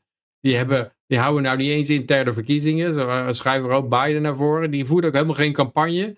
Uh, Waarom zijn nou nog de Democraten als ze niet eens een eigen kandidaat kiezen? Ja. Uh, en de vorige democratische voorverkiezingen, die hebben ze gewoon gefraudeerd. Weet je wel? Bernie Sanders, die werd er gewoon uitgewipt. Ja. Dus de vorige keer gingen ze frauderen en nu hebben ze het gewoon maar helemaal afgeschaft. En ik denk dat dat met de landelijke verkiezingen ook gaat gebeuren. Ik weet niet of het deze keer al is, maar dat ze gewoon zeggen, ja, we schaffen het gewoon helemaal af. Want uh, het is toch wel duidelijk dat wij, uh, dat wij de winnaars, of om de democratie te beschermen, schaffen we de verkiezingen af. Dat, dat kunnen ze gewoon zomaar zeggen. Dat, dat heeft, ik bedoel, Zelensky heeft dat ook gedaan. en daar doet ook niemand moeilijk over. Ja, er werd het uitgesteld na de oorlog of zo. En ja, de oorlog kan nog twintig jaar duren. Ja, precies, ja. Nou, en eigenlijk in Nederland is natuurlijk ook met uh, Rutte, die zei ook van, de, ja, het kabinet is gevallen. En uh, ja, dan hebben we nou een zaak, of een, hoe heet het, een demissionair kabinet. maar ja, die onderhandelingen die kunnen wel zo lang duren, dat ik, ik kan hier nog wel jaren zitten. dus ja, daar ben je ook mooi klaar mee. Hm, hm, hm. Ja, we waren bij de gezonde keuzes. Ja, het is... Dus ja, ik denk dat ze ook hierin bij die voedselkeuzes en zo, gedragskeuzes, dat ze dat, uh, dat daar hebben ze dan de neiging om dat keihard aan te pakken, waardoor je uh, juist het idee krijgt van, uh, oh, dat is, ja, dat is een, dat wil ik heel graag. En, en, en het is zelfs zo dat ze, uh, een zijtakje misschien, maar bijvoorbeeld met sigaretten, iemand zei dat als jij, aan, hè? als jij vanaf het moment dat ze, ze sigaretten gingen demoniseren, als jij toen uh, Philip Morris had gekocht, toen kreeg, uh, want toen ging de koers zakken natuurlijk, en toen kreeg je gelijk een hoog dividendrendement van uh, Philip Morris. Als jij toen de tijd Philip Morris had gekocht, had je, je een van de beste runs gehad. Dat was gewoon de dijk van een aankoop geweest. En dat is dus altijd het geval. Daarom moet je nou ook eigenlijk van die olieboeren kopen. Dus die oliebedrijven worden helemaal verguisd. Dan denk ik gewoon, je krijgt een hoog, hoog dividendrendement. En die lui die moeten extra hun best doen. En uh, die kunnen geen misstappen maken. Dus die zijn allemaal super voorzichtig. En uh, alle cross all, all, the T's en dot all the I's. En, uh, en daar heb je dus een goede koop aan over het algemeen. Oké. Okay. Ja. Dus ja, dat is wel een, en, en dat duurt dan, zo'n demonisering, dat duurt ook al tien jaar of zo. Of vijftien jaar voordat dat weer weg is. Dus dan, ja. wat dat betreft misschien naar landbouwgrond te kopen of zo. Maar ze zeiden ook al dat het, uh, ze hadden een doelstelling om de, de samenleving uh, rookvrij te maken. En ze denken dat dat gaat hun niet uh, lukken. Mm. Dus ja, volgens mij kun je nog heel lang die voor de Philip Morris aandelen aanhouden dan, denk ik. ja, ze kunnen natuurlijk helemaal verbieden. Dat op zich is dat wel mogelijk. Nee, natuurlijk alleen, dat niet. Alleen dan zijn ze inderdaad de belastinginkomsten kwijt. Ja.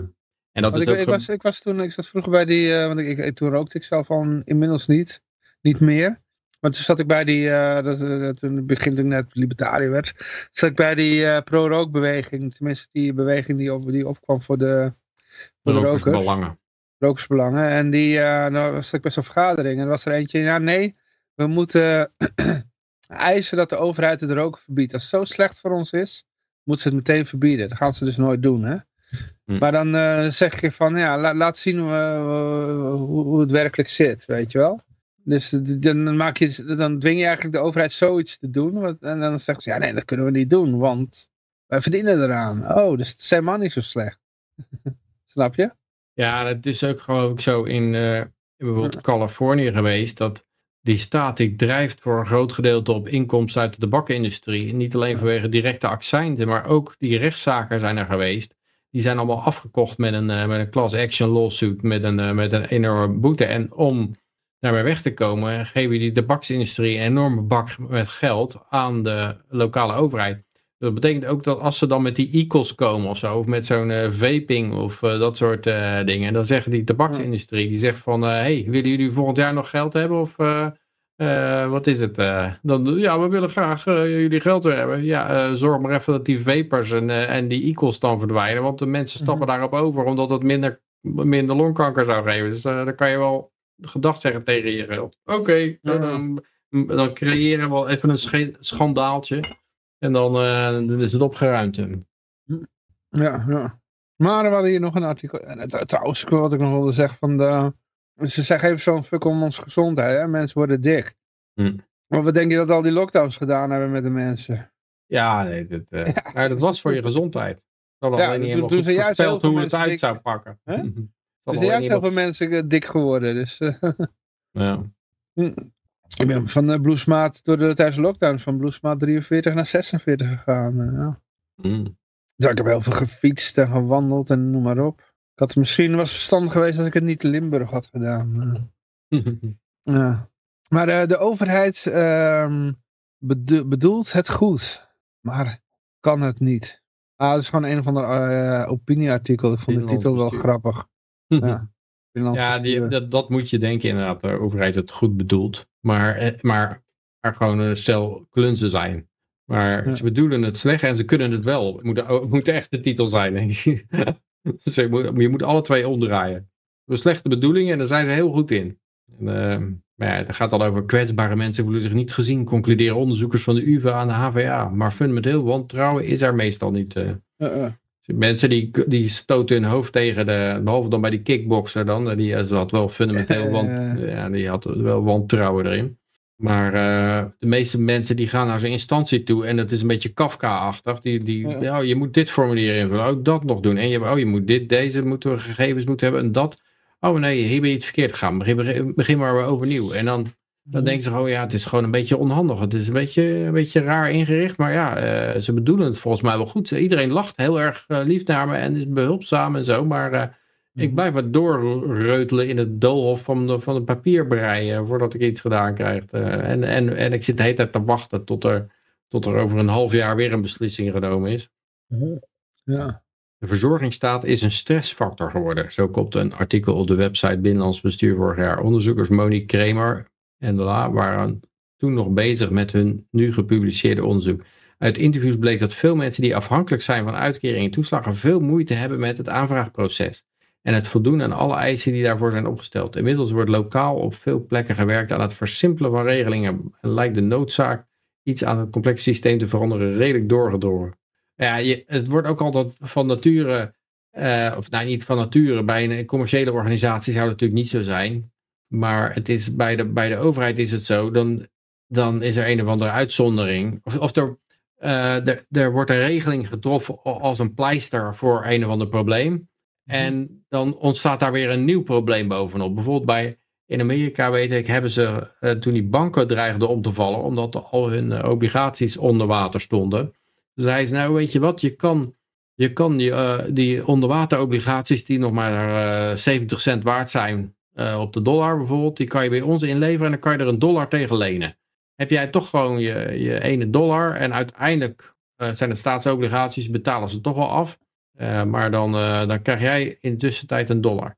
Wat er toen gebeurde is, nou, de, en dan moeten ze natuurlijk zeggen van ja, dat is voor alle banken. Je kan niet zeggen van ja, jij wel en jij niet. En dat betekent, wat er, wat er gebeurt is dat, je de, dat een heleboel gezonde banken ook, die denken, oh, dan gooi ik al mijn rotzooi bij jullie neer. En dan leen ik dan tegen. En dan zet ik dat gewoon gelijk weg tegen 5%. Uh, dat is binnenlopen. Dus er wordt daar misbruik van gemaakt. Dus dan moet je weer, moet dus weer een uitzonderingetje daartegen gaan verzinnen. Van ja, maar zo, zo is het niet de bedoeling. Dus zo moet je niet gebruiken, je moet het zo gebruiken. En dan blijft het blijft het gewoon doorgaan. Met, en dan uiteindelijk mond je uit met enorme ingewikkelde procedures. En, en, uh, en formuleren, formuleren dat er van die termen staan van, ja, heeft u een uh, drievoudig gehandicapt uh, kind onder de 18 wat afhankelijk van u is, want dan, dan krijg je weer een apart regeltje, dan geldt er weer iets mm-hmm. anders. Ja, ja. 18 instanties. Zo toonde lector Anna Kusters ook van de HVA bij een symposium van IO Research afgelopen november nog aan dat een normaal persoon in de bijstand op dit moment, normaal staat tussen het aanhalingstekens duidelijk, dus er zit er geen normale persoon in de, baan, in de bijstand, er zit alleen normale persoon in de bijstand, uh, met zo'n 18 verschillende instanties te maken heeft om te krijgen waar die volgens de wet recht op heeft. Het systeem loopt vast, niet alleen omdat burgers het niet meer snappen, maar ook omdat de regelgeving zo verweven is dat de instanties zelf niet meer efficiënt kunnen functioneren ja, die bureaucratie is altijd bij de overheid. Uiteindelijk als het, groeit, het groeit, het groeit en het, en het slipt helemaal dicht. Uh, het, is, uh, ja, het, is, het is een bekend verschijnsel. Uh. Ja, ja. Natuurlijk al gezegd, bij Byzantijnse regelgeving werd er al bij het Romeinse Rijk gezegd. En het was een notoire, was het ja, ondoenlijk om daar, om daar doorheen te komen door die regelgeving. Oh, zeker, ja. En bij bedrijven gebeurt dat gebeurt natuurlijk ook wel dat regelgeving groeit. Maar als het onpraktisch wordt en het gaat geld kosten, dan komt er bij bedrijven meestal iemand van, uh, ja, dit, dit werkt niet zo. Zo, zo uh, uh, verliezen wij het van de concurrentie. kunnen we dat niet efficiënter doen? En dan wordt het efficiënter gemaakt. Ja, ja, ja. Want je moet overleven. En bij de overheid is dat, uh, nou ja, je moet gewoon belasting verhogen, meer boetes, uh, meer uh, ver hogere vergunningen, licenties, noem maar op. En als het uit de hand loopt zoals de toeslagenaffaire, dan... ja, dan ja. kan je dat ook weer eindeloos rekken. Volgens mij zijn die, die mensen nog steeds niet ja. geholpen. kan nog eindeloos sturen. Ja. Ja, en op een gegeven moment heb je als libertariër, doordat dit soort processen altijd volgens een vast patroon verlopen, ja. en dan zijn mensen vaak van, uh, ja, jij zegt altijd van het ligt aan de overheid, maar je, je weet gewoon hoe dat er, uh, als je een bepaald probleem hoort, dan weet je gewoon hoe dat uh, proces verloopt. En je weet gewoon, ja, dat, dat, komt daar en daardoor. Ja, Zelfs voordat je dat, alle feiten weet, dan kan je dat al aanvoelen. Nou, sommige processen bij de overheid die lopen dan wat minder. Uh, dat zijn die, processen waar je dan alledaags mee te maken. Nou, niet alledaags, maar uh, af en toe mee te maken hebt. Zodat je, zeg maar, wanneer je pasfoto uh, op je nieuwe rijbewijs moet, zeg maar. -hmm.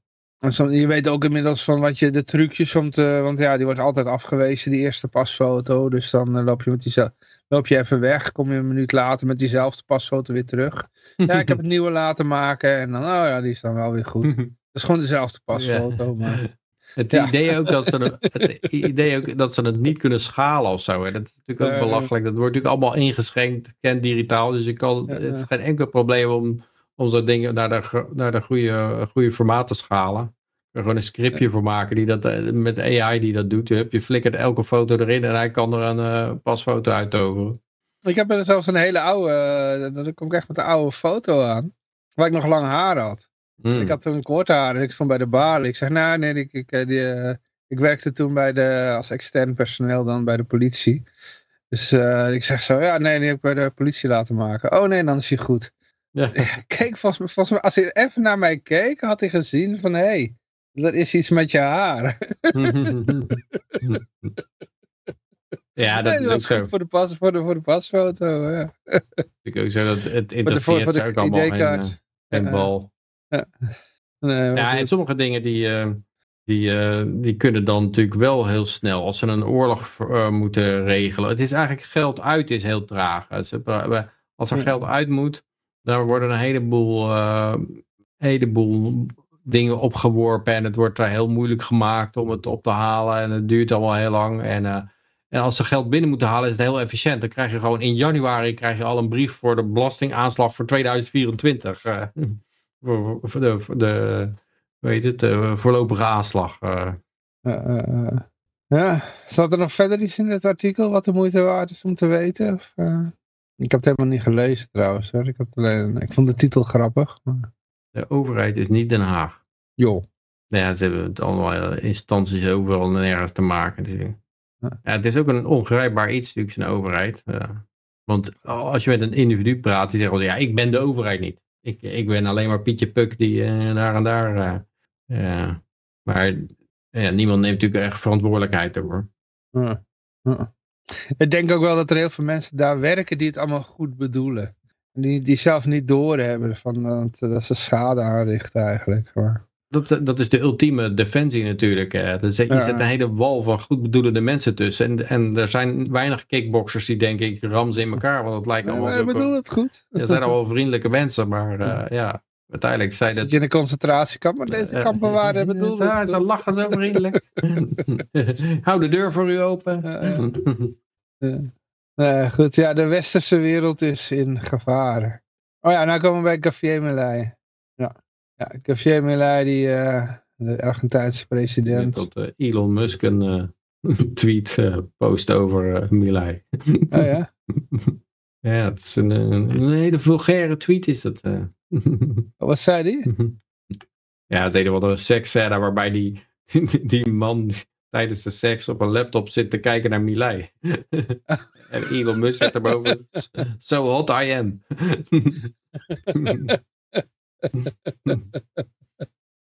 uh, the Western world is in danger. Milei uh, warns of uh, day doom.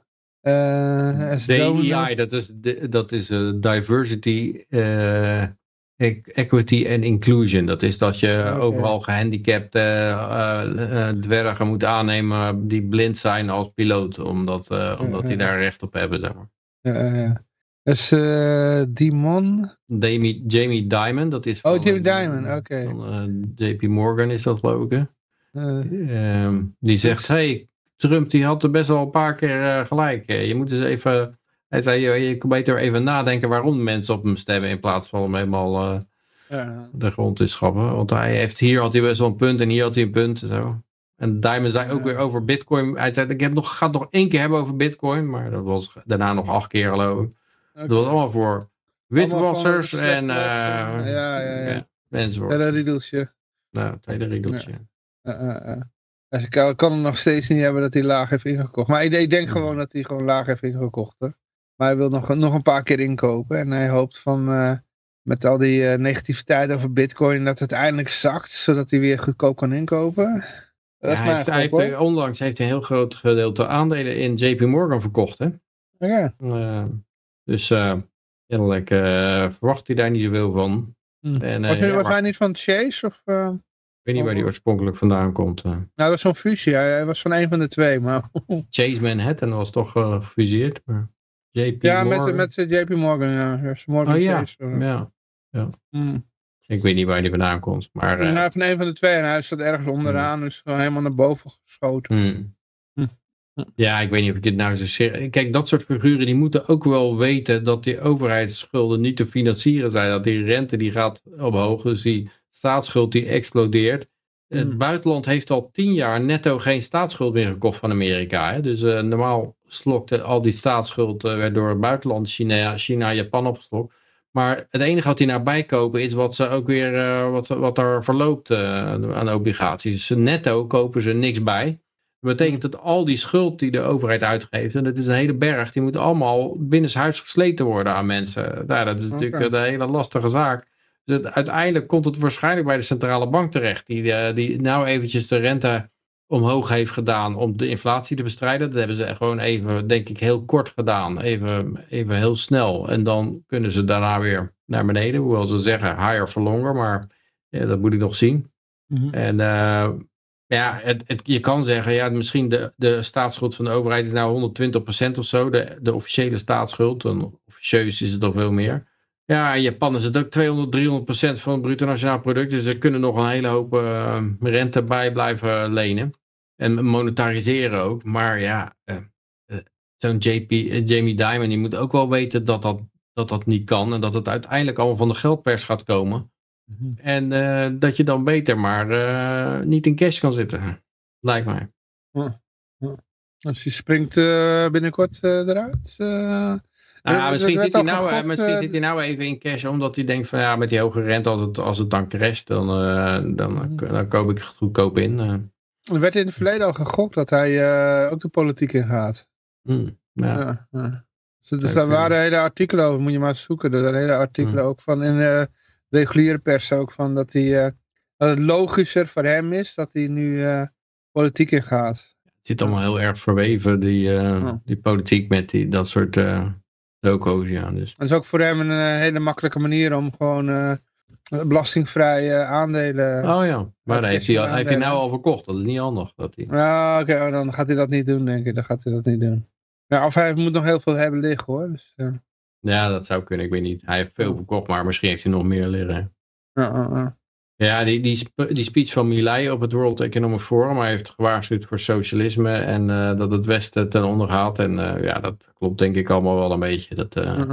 Ik moet eerlijk bekennen, ik ben halverwege in slaap gevallen, maar dat komt niet door hem, want ik, ik heb natuurlijk een lange dag gewerkt. En mm. Dus ik, uh, en, en de meeste ken ik al, dus er werd voor mij niks nieuws verteld. Dus ja, hmm. de, de ken ik wel. Ja, het is meer apart dat het ik was ook niet World... oneens met hem hoor. Dat het op het World Economic Forum uh, gezegd kan worden. Ik zat de eh, totale speech te kijken, dus uh, ergens halverwege zat ik in één keer, oh, in één keer hoorde ik dat het voorbij was. Oh shit, ik heb een stuk gemist. Hij zegt, the main leaders of the Western world have abandoned the model of freedom for different versions of what we call collectivism. Ja, dat, dat, dat is, uh, dat is wel zo. Um, ja, ik, ik, ik kan me haast niet voorstellen dat dat daar een vruchtbare aarde valt. Als je ziet wat er nog meer voor maloten voorbij kwamen. Inderdaad, zo'n medicijnman. die is ja, rond, aan woorden, rond te springen. En dan uh, iemand... uh... Die zei dat boeren eigenlijk criminelen waren. Die, waren, die pleegden ecocide. Ze moeten gewoon, ja, die, die hebben gewoon niet door dat de voedselproductie, dat, ze, dat ze voedsel nodig hebben om te overleven. Mhm. Dus, ja, ja. Het was mooi dat hij daar een speech maken. Kunnen regeringsleiders daar gewoon gratis speech of zo? Of moeten ze bijvoorbeeld betalen? ja, ik neem aan. Ja, ik weet niet hoe het verdienmodel daar zit. of ze mhm. mensen betalen of dat die worden betaald. Of, ik denk dat het inmiddels zoiets... Ja, ik denk niet dat Willem-Alexander betaald wordt om er naartoe te gaan. Het was natuurlijk een hele zware Nederlandse delegatie ook naartoe. Hè, met Rutte, en uh, er waren zelfs verhalen dat uh, geruchten ergens in het Duitse krant, zo dat Rutte nou niet NAVO-baasje wordt, maar Klaus Schwab zou gaan opvolgen. Nou, dat lijkt me toch een beetje te sterk, lijkt me dat. Uh, ja, ook omdat hij daar dan, hij loopt, land, hij loopt rond met zo'n weftasje op het, op het forum. Dat, is, dat, dat vind ik niet, dan, dan, moet je rondlopen met, met een slaaf erachter die jouw tasje draagt. Maar dan een gevolg, lijkt mij. dat, dan uh, straal je de juiste autoriteit uit. Hm. Maar ze, ze waren een hele, met uh, ja, een, een, enorme zware delegatie waar ze naartoe gegaan. Maar ja, dit is die Willem-Alexander zat dit te klagen dat... Uh, of die had die, die, qua, die qua quasi, die, die, die, uh, die, haat, die, die, haatneger, had hij een schouderklopje gegeven. En, en hoe heet ze? Ehm, de prinses Maxima, die is natuurlijk helemaal van de microkredieten. Dat is eigenlijk ook, ook wel een, uh, ja, een hele een manier om de derde wereld tot slaaf te maken. Om die vrouwen ook nog tot slaaf te maken. Omdat je dan, uh, ja, je gaat geld drukken en dat geef je dan als lening. Als mhm. microkrediet. Om, dan kunnen ze een naaimachine kopen. Dan moeten ze atelier draaien om jou je geprinte geld terug te geven. Mhm. Ja, ik denk, ja, ik vind het op zich al een beetje zinloos voor, uh, om daar om daar naartoe te gaan en te denken dat je met een speech die, dat hij die olietanker kan veranderen. Maar ja, eh, waarom ook niet? Misschien kan, je, kan denkt hij nog dat in de coulissen wat te kunnen, kunnen regelen of zo. Wat, uh... mm Ja, en die uh, eh, ESG en uh, DEI, dat is inderdaad vreselijk. er was ook zo'n bericht over dat, dat ze nou bij de FAA, de, de vliegtuigcontroledienst, de, de, de lui die moeten controleren of er geen deuren uitvliegen dat ze daar nou uh, als aanname prioriteit geven voor nieuw personeel aan uh, mensen met psycho, psycho, psychotische aandoeningen en, uh, en nog wat. dus dat betekent gewoon dat ze, ja, dat zijn gewoon mensen die geestelijk niet helemaal in de orde zijn gaan ze aannemen. En daar, daar, okay. die, moeten, die moeten dan die vliegtuigen gaan testen. En dan ben je verbaasd dat de deuren eruit vliegen. Maar dat, het is nou inmiddels zo, ja, het is, een, het is net zoals ESG is de mantra geworden. Als je als jij een, uh, een, gezond iemand bent, dan kom je er al niet eens meer in. Eh, je moet, ja, je moet, moet wat, je moet een onderdrukte klasse vormen om daar aangenomen te worden bij. Ja. Ik heb nog herinnerd dat Klaas... Klaas of Klaus? Klaas, Klaas. Mm. Onze Klaas. Onze Klaas. Onze Klaas. Klaas uit Friesland. Voorheen uit Bulgarije. Die had een keer over zo'n boek. Uh, daar had hij het eens over van. En uh, toen had hij het ook al over. Dan wel van die dingen van wat. Dat, dat we dachten, ja, dit kan je nog niet maken, weet je wel. Hmm. En uh, dat ging over. Had, hij had het over een boek. En dat ging over de, de, de situatie dat een vijandige mogelijkheid. die, die verslaat dan een land. via beleid. Dus dat is zo ja, gek mogelijk beleid daar laten ja, introduceren. Zodat je zeg maar een, um, iemand met een Down-syndroom, die mag dan een vliegtuig uh, besturen, weet je wel. En zo maak je dan een hele samenleving kapot. Hmm. En daar moet ik dan even aan denken. Dat als je ja, dit zo aan Atlas, Atlas Shrugged denken ook, hè? Ja, ja, ja, ja. Maar dan kwam het inderdaad door socialisme, weet je wel. Ja, ja, ja. dit is ook, een, is ook een socialisme, denk ik. Alleen het is een, een rare vorm. Waarbij inderdaad... Maar in China doen ze dit niet, hè? Nee. Dat, dat, is wat ik wil zeggen. Ja, ja het, is, het is sowieso een, een, uh, een uitkomst dat je als je mhm. alles op zijn kop gaat zetten en uh, sparen is, is slecht en lenen is goed. En uh, ja, zo, zo, zo war is peace en of war, dus de freedom is slavery, war is peace, ignorance is strength. Je gaat mhm. gewoon alles omdraaien. En je gaat dus ook zeggen, nou, degene die het eerste recht hebben, zijn mensen die de meeste onderdrukt zijn. Dus uh, gehandicapt, lesbisch, transgender of zo. Wat je dan krijgt is dat er een race naar de bottom ontstaat. Want iedereen moet dan proberen in zo'n categorie te, te, terecht te komen. Dat is nee, nee, nee, ik ben het meest onderdrukt. Nee, ik ben het meest onderdrukt. Want daar worden de cadeautjes uitgedeeld. En nou is het dus ook zo, voor je carrière moet je gewoon aangeven uh, uh, hoe erg jij het wel niet hebt. Uh, en hoe erg jij wel niet onderdrukt bent. -huh. Zeker, ja. ja. Ja, en dat is, een, ja, dat is raar natuurlijk. Dan krijg je een samenleving waar iedereen op een gegeven moment knettergek is. Gewoon om, om ja, als je, daar, als, je daar, als je zo de regels vaststelt, dan krijg je een wedstrijd waarin de uitkomst heel slecht is natuurlijk. Mm. Nou, ik denk niet dat iedereen meegaat natuurlijk. Ik denk dat de meeste mensen zitten verbaasd toe te kijken van wat gebeurt hier en dan ja, ergens in een... Uh... Ja, maar je, je zal maar aan, je, aan het begin van je carrière staan en uh, drie keer afgewezen worden bij een baan. Ja, dat ook, je, ja, dat, ja maar dan ga je, je, inderdaad zeggen van, uh, nou ja, als, als, als, als ik autist moet zijn om aangenomen te worden, nou dan ben ik autist. Dus dan, ja. dan, koop je een psychiater om van, nou ja, noem mij even autist en nou, prima joh. Dus, ja, dat, ja daar krijg je waarschijnlijk wel een markt voor dan, ja. ja ik denk dat dat, dat gaat gebeuren. Nou ja, als, dat, uh, je hebt ook een, een raasje gehad dat je ADHD moest hebben als cabaretier. Want anders uh, was je niet succesvol, weet je wel. Hmm. Al die cabaretiers waren, hadden in één keer allemaal ADHD. waren ze ja, maar ik denk niet dat, er, dat er iemand succes verklaart. Uh, dat je dan een formulier moet hebben of zo. Voordat je grappig. Dat is nog enigszins een vrije markt. Want de mensen kijken naar de komiek of niet. Ja, dat had niks met ADHD te maken, want ADHD heb je, heb je moeite met aandacht. Maar je gaat niet sneller praten of zo. Maar hun konden dan meer grappen in één uh, minuut proppen. En dan zeggen ze, ja, ik heb ADHD. En uh, allemaal grappen daarover. Hmm. En dan praat ik heel snel. En dan, ja, nee, ik heb ADHD. nee, zo werkt het nou goed. Ja. ja maar, is, uh, is, uh, ik denk dat je met die sporter, ik denk die, bij die sporter bijvoorbeeld dat daar dan een man Miss, uh, Miss Universe wordt en, uh, en een, ook het vrouwenzwemmen wint of zo. Of bij het boksen een vrouw knock-out slaat. En dat dat het eerste punt is nou wat, wat toch wel onderuit gaat. Dat, ik denk dat er inmiddels een hele hoop mensen zijn die denken van nou ik, ik word er helemaal niet goed van. Maar ik kan het niet zeggen, want dan word je gecanceld of zo. Of dan wordt, uh, je kan, uh, de, de, hele maatschappij is tegen, tegen me. Maar ik denk dat de maatschappij, mensen er steeds meer achter komen dat er enorm veel medestanders zijn van andere mensen die het ook helemaal zat zijn. Mhm. En uh, ja, dat, dat, is, ja, dat is de vraag hoe dat zich dan uitspeelt. Maar uiteindelijk moet de meritocratie natuurlijk winnen. Want als je als je goede producten wil hebben en je wil hebben dat er elektriciteit is en, en warmte en eten en zo, dan heb je gewoon capabele mensen nodig die organisaties leiden waar dat uh, in wordt uh, geproduceerd. En ja, als die er niet zijn, dan, uh, dan zal er toch wel een soort opstandje komen, denk ik. Mm -hmm. Nou ja. ja, of je hebt dan een loodgieter in een huis die de Down syndroom heeft. ja, dat is niet om nou moet uitleggen wat een zwanenhals is. Het is niet omdat, om die mensen nou te kwetsen of zo. Want er zijn natuurlijk mensen die er echt problemen mee hebben. En dat is allemaal heel vervelend voor ze. Maar er zijn allemaal oplossingen voor te verzinnen. Maar het gaat natuurlijk helemaal mis als je kerncentrales uh, gaat leiden en pilotenteams gaat samenstellen aan de hand van, uh, oh, we moeten nog uh, zo'n ras erbij hebben, want dat missen we nog. En we missen nog drie geslachten en en vier seksuele geaardheden. Dus dan laten we dan uh, die maar aannemen. Ja, ik kan wel niet vliegen, maar uh, ja. dat, dat is niet zo belangrijk. Ja. ja. Maar dan gaan we naar het volgende artikel toe.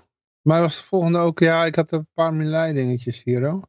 Um, ja, de volgende was inderdaad de speech. Dus wil je nog even over de inhoud? Ja, daar heb je eigenlijk ook Ik heb niet gekeken. Ik heb alleen, oh, je hebt niet gekeken? Nee, ik heb alleen de highlights gelezen. Ah, Oké, nee, ik heb inderdaad helemaal... Nee, ik denk ook, uh, ja, ik zal van Milai niet veel opsteken of zo. Dan vraag ik nog even, is hij een heel goed uh, orator of zo, die heel goed een speech kan brengen, dat de tranen in de ogen springen of zo. Dat nee, nee, nee, ik kan, kan wel een stukje laten zien hoor. Het was wel een beetje van uh, de professor del establishment político y económico, algunos por errores en su marco teórico y otros por ambición de poder están socavando los fundamentos del libertarismo, abriéndole las puertas al socialismo y condenándonos potencialmente a la pobreza, a la miseria y el estancamiento. Memoriseren hem. Hij gaat dan een beetje ja. als Martin Luther King. I, have, ja. I have a dream of zo. ja. Weet je wel? Ja, als je het opleest van een papiertje, staat niet, stelt niet, staat niet krachtig. Nee, nee, nee. Dus, hmm. ja, dat is een minpuntje. Maar voor de rest was het inhoudelijk wel, wel oké. Ook al viel ik in slaap. Maar ja, misschien was het omdat het te weinig Martin Luther King was. Ja. ja. Maar jij had nog een, iets wat te maken had met het WEF, met het gebeuren in Davos. Dark Davos, en volgens mij dit is een rendezvous momentje. Ja, dat komt vorig jaar ook zoiets. Ja. dat komt ieder jaar mm. terug. Ja. De escort service en de hoeren, de, hoeren die...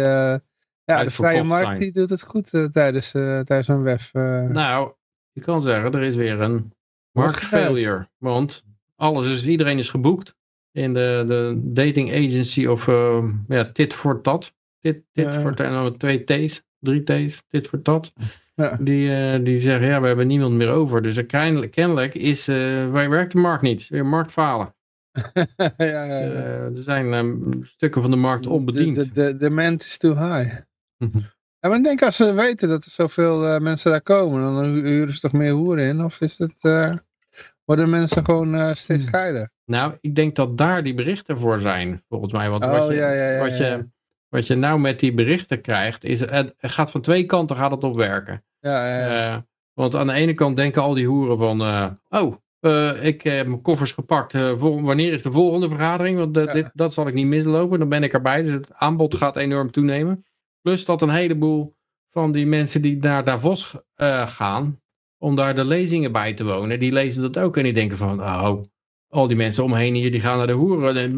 Dan, dan, dan uh, waar, waar uh, ik blijf achter. Ja, mm. ja dat, zal, dat zal het eerder zijn. Dat is gewoon een reclame, ja. Er staat ook, hij, de, die eigenaar van het ding verklaart, van het bedrijf, die zegt van, ja, most people stay mostly by themselves in Davos. Their partners mostly stay at home. Dat, ze, dus misschien zit er gewoon niemand bij die lezingen te, te luisteren. Je kijkt gewoon uh, online wel wat de highlights zijn. En uh, ondertussen dan uh, let je lekker te stoeien met je, met je escort lady. Ja. Dit maakt ja, ja. natuurlijk niet aantrekkelijk voor vrouwen om naartoe te gaan. Dan denken die veel van die ja, vrouwen, ja, wat, wat, wat ga ik daar dan doen? Nou, dat zijn natuurlijk ook wel mailprostituties, Ja, toch, toch is dat andersom wat minder, minder ehm, loopt wat minder goed geloof ik. Er ligt de mm vraag en aanbod niet helemaal geweldig. Er zijn niet zoveel vrouwen die... Uh, ja, misschien als ze, als ze geld van iemand anders te uitgeven, dat het dan makkelijker gaat. Als je het toch uh, kan declareren, dan uh, betalen liever niet voor, denk ik. Nou, soms hebben ze dan van die toyboys. Dat, dat is gewoon... ja, dan gaan ze mee naar het casino en noem maar op. En dan hebben ze altijd zo'n zo'n zo'n lachende Afrikaan naast zich, zeg maar. Ja, met zijn enorme witte glimlach. Ja. Nee, maar uh, even kijken. Ja, de, um, ik had toch één artikel. En jij had er ook nog eentje. Ja, ik, had, ik had nog één artikel van die, uh, van die Hunter Biden. Die, dit was ja, opeens een... Ja, ja, ja, ho, voordat je zegt. Want ik denk van, ik weet niet of je, of je hier een beetje, over het volgende artikel een beetje wat weet. Dus dat gaat over dat die, of die Amerikaanse journalist die uh, mogelijk dood is. Weet jij daar wat over? Ja, ik heb er een aantal podcasten ooit van gehoord, of interviews met hem, ja. En, dus de eh, vraag is, waar gaan we mee eindigen? uh, nou, ik zou met Hunter eindigen, dat is denk ik... Dan gaan we af, ja, ik kan sowieso even het rad nu gaan doen en dan eindigen met die, al die twee, dus dat kan ook nog. Ik ga, weet je wat, ik doe eerst het rad tevoorschijn halen, dan kunnen mensen zeg maar hun, noem je dat? Ron Paul typen in het chat. ik moet hem nog even, nog niet doen hoor, ik moet het even tevoorschijn halen nog. En dan, tijdens, dan halen we het rad tevoorschijn. Dan gaan we het hebben over die, uh, die journalist. En dan, even kijken. We eindigen met uh, Hunter Biden. Ja, oh, dat zijn al, oh, wacht even. Ja, oké. Nu kun je uitroepteken Ron Paul in de chat typen. En dan gaan we het onder, ondertussen hebben over dat uh, artikel uh, van, van die Amerikaan. Dat gaat over een... En dat is een beetje als je het in de reguliere media, zeg maar, leest, dan wordt hij, uh, dan krijg je heel vaak, als je op die naam typt, uh, Gonzalo uh, Lira, dan krijg je heel veel artikelen dat hij geen journalist is. En dat hij een, hij is, wat, wat had hij, had Mhm. iets met dating sites gedaan of zo? Of een, Ja, ja, een datingadviseur was hij of zo? ja dat maar geen journalist. Hm. Hm. Dat was hij gewoon vroeger. Ik weet ook niet precies wat zijn geschiedenis is. Maar eh, Ja, maar zelfs als je op mij gaat zoeken. Ja, ik, ik ben ooit circusclown geweest. Ik eh, Ja. moest voor circus, toen ik puber was, heb ik voor Circus Rens, verkleed als clown, foldertjes uitgedeeld. Dan lees je van, nee, Johan die is geen eh, radiopresentator. Hij is een eh, circusclown. ja. Ja, zoiets, weet je wel. Ik heb het maar een week gedaan hoor. Dat is, eh, Willem Engel, de dansleraar. de dansleraar inderdaad. Ja. Ja, zo, eh, zo doen Ja. ze het wel, ja. Oh, oh. Ja, nee, ik heb, hij was, het was net zoals bij zoveel podcasts, was het een goed geïnformeerde iemand, zeg maar, een local. Maar hij was heel kritisch op Zelensky. Ja. En hij, maar hij, hij zat daar natuurlijk wel in, in eh, Oekraïne. Oek- Oekraïne. En ja, dan kan je niet kritisch zijn. Eh, dat is, eh, ja, d- en, eh, ja, ik weet niet waarom die dacht dat hij zich dat wel kon veroorloven. Maar uiteindelijk heeft hij geprobeerd het land uit te komen. Maar bij de grens is hij gesnapt. Ja. Is hij ge- in de gevangenis gegooid. En nu is hij dat dood. vertellen En, ze niet in de media. Er is een, echt een hekwerk omheen. Hè? Het is gewoon een soort ehm, Oost-Duitsland eigenlijk. Je komt er Ja. niet zomaar uit. Er zit echt letterlijk een, door de EU gefinancierd, enorme hekwerk omheen. ja, het zit natuurlijk om elke land zit een hekwerk heen wel. Waar je, Nee, van Nederland kan je zo naar Duitsland hoor. ja, omdat het Schengen is nou. eh, Ja. Maar eh, ja, en daarvoor kon je misschien ook wel. Nee, ik denk niet dat die hele grens nou. zo- dat het wel mogelijk was om daar doorheen te glippen. Maar ja, hij zou ook gemarteld zijn. En zijn vader heeft zijn dood bekendgemaakt. En eh 55 jaar. En hij had dubbele longontsteking. Ja, als je natuurlijk in een koude cel wordt neergelegd, dan, dan, dan gaat- dan kan het hard gaan. eh. Ja. Maar eh, ja, het is ook raar. De Amerikaanse ambassade heeft ook niks aan gedaan. Hij was gemengd Chi- Chileens en Amerikaans. Die hebben ook helemaal niks gedaan om vrij te krijgen. Die, die natuurlijk alle touwtjes in handen hebben. Die kunnen gewoon zeggen. En vrij laten die vent. Maar die zal het verder ook weer worst wezen. Ja. Eh, en eh, ja, het is sneu, ja. Het is, het is, het, ja er, wordt, er worden natuurlijk steeds vaker journalisten omgelegd. En nou is de democratie, eh, die is ook al eh, afgeschaft. Niet dat ik daar wat mee heb, maar niet om het eh, te laten plaatsmaken voor een autocratie. Aha. Ik vraag me af hoe dat, hoe dat verder... Ik denk dat het een hele zwarte periode wordt, waar nog later op teruggekeken wordt in de Oekraïne. Ook dat door zeggen, waar waren we eigenlijk mee bezig? Wat, hebben we, wat hebben we gedaan? Want het is... We hadden kunnen weten ook, ja, je krijgt Hangt een beetje vanaf wie er wint hoor, denk ik. Ja, ik denk dat als je, ook als je wint, dan ben je je zoon kwijt. Eh, tenminste, dan eh, is die, weet ik veel, gewond geraakt. Of je hebt een, een dood, dood kind. Of, er zijn natuurlijk al een, een half miljoen slachtoffers gevallen misschien Ja, maar al. dat zijn allemaal offers voor de vrijheid, hè? ja, ja, ik denk toch dat de meeste dingen krijg je, die Smedley Butler, krijg je dan eh verhaal achteraf. Van, Ja. Maar als we terugkijken naar de Tweede ik, Wereldoorlog, Ik, vocht en, en ik, ik had een heleboel medailles, maar als ik er nou over terugdenk, dan was het eigenlijk War is a Racket. Eh, Als je kijkt, terugkijkt naar de Tweede Wereldoorlog, hè? mhm. Eh, ik bedoel, al die, de Nazi-Duitsland, die werd eigenlijk, eh, de leger werd daar groot gemaakt door eh, grote Amerikaanse investeringen. Ehm, de, de, het, ze reden eigenlijk allemaal op Amerikaanse techniek. Die, en de Amerikanen kwamen naar Nazi-Duitsland om daar zeg maar hun met alles te helpen. En, de banden van de nazi-voertuigen waren van Goodyear. De Ford hielp mee met eh, de productie van tanks en alles. Eh, dat was allemaal een Amerikaanse eh, ja, investering eigenlijk van kennis vooral. Hm. En ja, toen uiteindelijk kwam die oorlog. Nou, hebben de Duitsland helemaal stuk gebombardeerd. Maar het is hetzelfde verhaal eigenlijk. Hè, van, nu leveren ze letterlijk tanks aan, aan een land, aan Irak. En dan ja, gaan ze vervolgens die tanks bombarderen. Maar Nou, je hoeft alleen maar te kijken naar wat er in Afghanistan gebeurd is. eh. Wat er met de, de Koerden zijn wel tien keer in de steek ik- gelaten, geloof ik. eh. Ik, ik wil het verhaal nog even afmaken. Go- puur even om naar, naar Nederland te brengen. Vervolgens zitten wij aan een Marshallhulpplan vast, weet je wel. Mhm. Nou, toen was er Ja. nog geen IMF, maar dat is een beetje hetzelfde eigenlijk. Ja. Ja. En nu, nu zie je het nu ook met, met, met, met de Oekraïne. Ze zitten nu eigenlijk al aan een IMF vast, weet je wel. Ja. Ja, plus dat. en BlackRock, die kopt alles op. Alles is en- lekker en- goedkoop nu. Ja, ik, ik, ehm, het kan eigenlijk hoe dan ook gaat het niet goed eindigen, denk ik. Nee, nee, Wat, ik wat ik begrijp van mijn connecties daar dat ze de alle belastingwetten al aan het opschroeven zijn en moeilijker maken. En uh, ze, ze, ze proberen de bevolking verder uit te knijpen, want die oorlog moet bekostigd worden. En als er geen geld van buiten meer krijgen, dan moet het van binnen komen of zo. Maar dat wordt een... Ik bedoel, er is iets van 25% van de bevolking is al vertrokken. Die gaan niet terugkomen als het, er, als het er onleefbaar is. Uh, dus uh, ik zou zeggen, ja, alles wat je geleend hebt kan je gewoon afschrijven. En zeggen van, uh, ja, sorry, sorry, bekijk het. Maar dan krijg je waarschijnlijk wel een color revolution. Want dat wordt niet gewaardeerd als jij geld leent en het niet afbetaalt.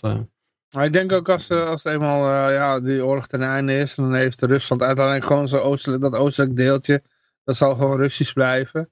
Hmm. En de, de rest is dan Oekraïne en ja, oorspronkelijke bevolking wil niet meer terugkomen, want dat zit al in het westen en dat heeft daar veel beter. Dus uh, ja, al die vrouwen hebben al een westerse man, weet je wel. Dus ja, dan, uh, wat je dan krijgt is van, er komen heel veel immigranten. Dat, uh, paar komen naar Oekraïne toe, dan kunnen die hier aan de bak komen. En dan zitten ze allemaal vast aan en ja... Nee, ik zou zeggen, wat, wat, wat ze kunnen doen is zeggen, ja, we zijn ingeluisterd. Onder voor, valse voorwenselen zijn we die oorlog ingeloodst. Ja, ja. Eh, officiële lezing is natuurlijk dat opeens viel Poetin binnen. De, de niemand, ja. Uh, ja, we deden daarvoor, daarvoor moet je niet kijken. naar binnen gelokt, hè? Ja, ja. Als je natuurlijk maar genoeg Russisch sprekende bombardeert en dan gaan die vanzelf om hulp vragen. En dan, Maar dan, dan zeg je, ja, we zijn er ingeluisterd. Alle schulden die we zijn aangegaan, gaan we niet terugbetalen. Nou, dan krijg je binnen no time, denk ik, dat er een, een revolutie wordt georganiseerd tegen je. Dan wordt er een nieuwe puppet neergezet. En die kan ook weer zeggen van, nou, uh, ik ga de schulden wel terugbetalen. Dat gaat niet lukken. Je kan onmogelijk uh, uit zo'n bevolking, kan je dat soort bedragen persen. De, de, de nee, maar iedereen die kan vechten, die is al dood, hè? Ja, dus iedereen die kan werken, dat is ook niks. Uh, de, heb je ook niet meer enige wat overblijft, dat kan niet protesteren. Dus voor, voor BlackRock en voor IMF is het ideaal. Nou, maar niet om wat uit te persen. Je kan, uh, de, de, meeste mensen nee, gaan... Nee, maar er komen nieuwe immigranten. Die, die nemen het over. Oh. Ja. Ja, ik denk dat als er, als er geen vrouwen zijn, dan denk ik dat er ook weinig mannen zijn die nou zeggen, nou, dat is een land waar ik naartoe ga en ik ga me daar helemaal uit de naad werken. Nee, we worden gewoon lekker gemaakt. Kom je naartoe, je kan een uitkering krijgen of zo, weet je wel. Dus, uh... Ja, maar dan moeten ze dat ook weer gaan betalen. Nee, nee die nee. zijn er niet, die uitkeringen. Je moet werken. Ja, maar dan, gaan, ze, dan, ja, dan gaan ze weer weg. Nee, enige, nee, als er eenmaal zijn, dan De enige manier om het vol te, los te trekken, dat is volgens mij een Dubai-plan. Je zegt gewoon, uh, het is nu helemaal belastingvrij. Iedereen kan hier uh, ja. komen. Dan krijg je bakken met investeringen en uh, krijg je al mensen van alle kanten en dan stroomt het weer vol.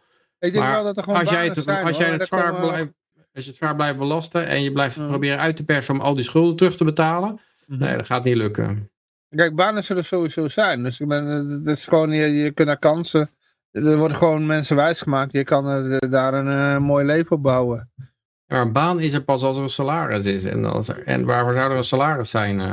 Nou ja, dan moet je een investeerder hebben. Je moet een investeerder hebben voor salaris. Ja, ja Black, BlackRock zit er en die wil gewoon banen. Dat, de banen zullen er zijn. Ja, maar die wil pas investeren daar als ze zeker zijn dat, dat het eigendomsrecht verzekerd zijn dat ze dat kunnen vasthouden. Ja, tuurlijk, tuurlijk. En ik denk dat ze, dat, niet, dat ze daar niet echt zeker van zijn. Nou, uh, ik bedoel, je gaat in Syrië ook niet investeren met het idee van alles is plat gegooid, dus uh, je kan er heel veel opbouwen. En dan denk je van ja, maar als ik, als ik er wat neerzet, wordt het zo weer plat gegooid. Nee, het gaat punt meer om van als er eenmaal vrede is, na twintig jaar of zo, dan zal er gewoon uh, alles opgebouwd worden. En dan ja, moeten gewoon mensen ja, buitenaf daar komen. Ja, niet dat je twintig jaar moet wachten. Ja, maar het punt was, kijk, dat is, ze, ze, willen gewoon niet dat mensen daar een soort nationale identiteit hebben. Dus daarom, hun idee is van mensen... Wie zijn ze? De, de globalisten. Ja. Die willen niet dat er een soort nationaliteit, nationale, nationale identiteit Dat is alleen is. maar toegenomen door die oorlog. Als het ja, er niet was, ja, dan is het er zijn, nou wel. Het punt is, nu zijn de, de meeste mannen zijn dood. De vrouwen zijn... Uh, ja, zo erg het ook weer niet. Zo, zo en er komen heel veel nieuwe uh, vreemdelingen komen daar weer uh, de baantjes overnemen. Ja, maar. Dat, dat is een beetje denken dat er baantjes liggen te wachten. Waar, waar eerst die mannen werkten en die zijn nou dood. Ja. En dan liggen die baantjes er nog. Maar die baantjes die zijn er ook niet meer. Die waren natuurlijk ook afhankelijk als van land, uh, die hele als de oorlog voorbij is. moet alles weer opgebouwd worden, snap je? Ja, Toch? ja. Ja. ja dat, uh, maar ja, er zijn natuurlijk ook veel, in, in, Syrië wacht je nog steeds op dat het opgebouwd wordt. Het, het moet ook een vooruitzicht zijn op een vrede waarbij er ook echt gezegd ja, wordt... het, van, het wordt alweer opgebouwd. Ik heb een uit, uitzending van uh, Bolton Bankrupt in Syrië gezien. Er was alles al redelijk, waren ze al redelijk aan het opbouwen. Dus uh, de, de boel werd weer op, was weer op gang. Dus, uh, ja, er moet in ieder geval een vooruitzicht zijn op een lasting peace. Zeg maar op een, de, dat er ook echt duidelijk is van, uh, ja, we gaan niet hergroeperen om daarna weer, uh, weer verder te vechten. Nee. nee, het moet duidelijk zijn van, nu zijn we er, zijn er klaar mee, hier moeten we mee leren leven. Ja, dan en... is er weer een oorlog in Taiwan of een oorlog in uh, Iran, dus dan houdt het op in Oekraïne, denk ik. Ja, ja, ja ik ben benieuwd hoe, het, hoe dit gaat aflopen. Maar, ehm, ja, ik zie het nog niet, nog niet helemaal de goede kant op gaan, zeg maar. Als jij, Mhm. als jij de paar mensen die daar nog werken, als je die gaat lastigvallen met extra belasting en regulering, en uh, ja, dan, uh, mm -hmm. dan denk ik dat, ja, dat die snel ook nog naar andere mogelijkheden gaan zoeken. We hebben het trouwens hier in Nederland ook meegemaakt hoor. Dus dat uh, na de wederopbouw kwamen hier ook mensen van heinde en ver naar Nederland toe voor, voor, werk, weet je wel. Ja, maar de Tweede Wereldoorlog staat een duidelijk einde aan wel, hè? Ja, en ik denk dat dit ook wel ophoudt hoor. Dus het is al eigenlijk al duidelijk dat dat oostelijk deel komt gewoon, uh, wordt gewoon een vazalstaat van Rusland. Dat heeft Poetin al van het begin gezegd. Hij wil niet inlijven bij Rusland. Het wordt een af, onafhankelijke republiek die dan aan uh, trouw is aan Rusland. Een vazalstaat. Dat was al vanaf het begin wat hij wilde. Dus. En dat was ook waar die, waar die, waar die Oost-Oekraïners voor? Uh, ja, die wilde graag aansluiting, geloof ik, als, als je de referendum... Ja, maar als je de Oekraïners vraagt, dan zeggen die, oh, nou, de referendum was nep. Ja. maar ik denk toch wel, ja, als je een tijdje gebombardeerd bent, dan kan ik me voorstellen dat je zegt van, nou, uh, ik geloof dat ik me huil maar en, en, anders en, en Poetin zei ook al van, jullie komen niet bij Rusland. Wij, wij willen jullie als een onafhankelijke vassalstaat ja. hebben, ja. Hm. Dus, jullie blijven onafhankelijk. Ja, dat, dat is wat hij al vanaf het begin Ja, was. maar ik denk dat hij heel erg ja, in tegenstelling wat over het algemeen beweerd wordt, maar dat hij oorlog wilde vermijden. Hij heeft eigenlijk alles. In het Westen wordt natuurlijk gezegd, ja, het is een oorlogszuchtig. Hij kon niet wachten om, uh, om de oorlog. Maar ik denk dat hij alles gedaan heeft. Hij weet ik niet hoe vaak onderstreept dat dit, dit is een rode lijn en, uh, uh, en hier moet je niet overgaan. En, en dit is onze veiligheidszone en NAVO-toetreding en zo. En, ja, en ook in het Westen werd werd door militaire experts gezegd van ja, uh, als je dat doet, dan gaat het mis. En er zijn ook al, uh, ja, Dave Smith heeft ook wel zijn opname van laten zien waarin dat lang voor deze hele Saisa al gezegd werd. Er werd eigenlijk gezegd, ja, Oekraïne is het vriendinnetje van Rusland. Dus ja, die wil je eigenlijk, wil je die afpakken. Maar uh, vraagt ze ondervrager dan, maar leidt dat niet tot oorlog dan? Want ja, dat moet je net zien te vermijden dan. ja, dus dat hebben ze dus niet, net niet weten te vermijden. En, uh, ja, ik denk dat, uh, dat, uh, dat Poetin misschien nog steeds wel, wel in zou zijn voor... maar aan de andere kant, ze zijn al half gedraaid al. Die pipeline is verrot gemaakt, dus Rusland is al waarschijnlijk helemaal aan het draaien naar China toe. om, ja, dan ga ik energie maar aan China leveren en...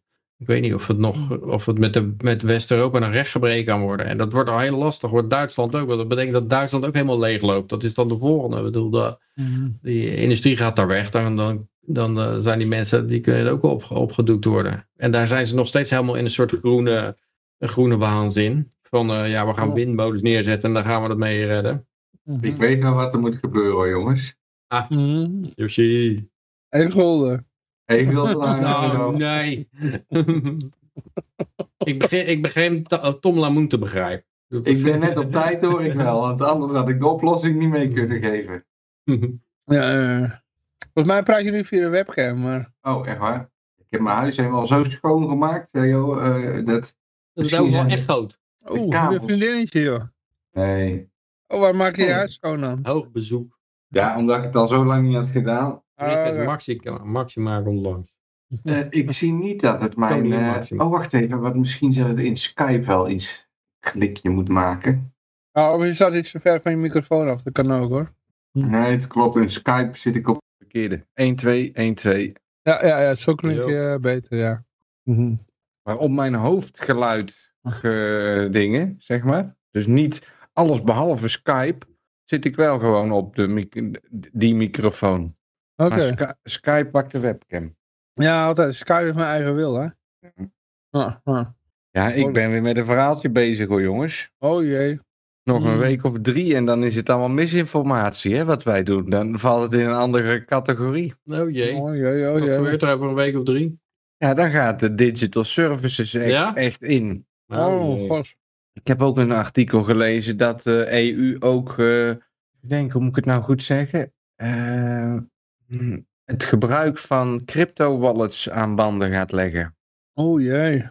Ja, en als jij dus een crypto-wallet uitgever bent en uh, jij doet niet mee aan de identificatie van je klanten, mm dan ben jij strafbaar op, omwille van uh, witwassen en het financieren van terrorisme.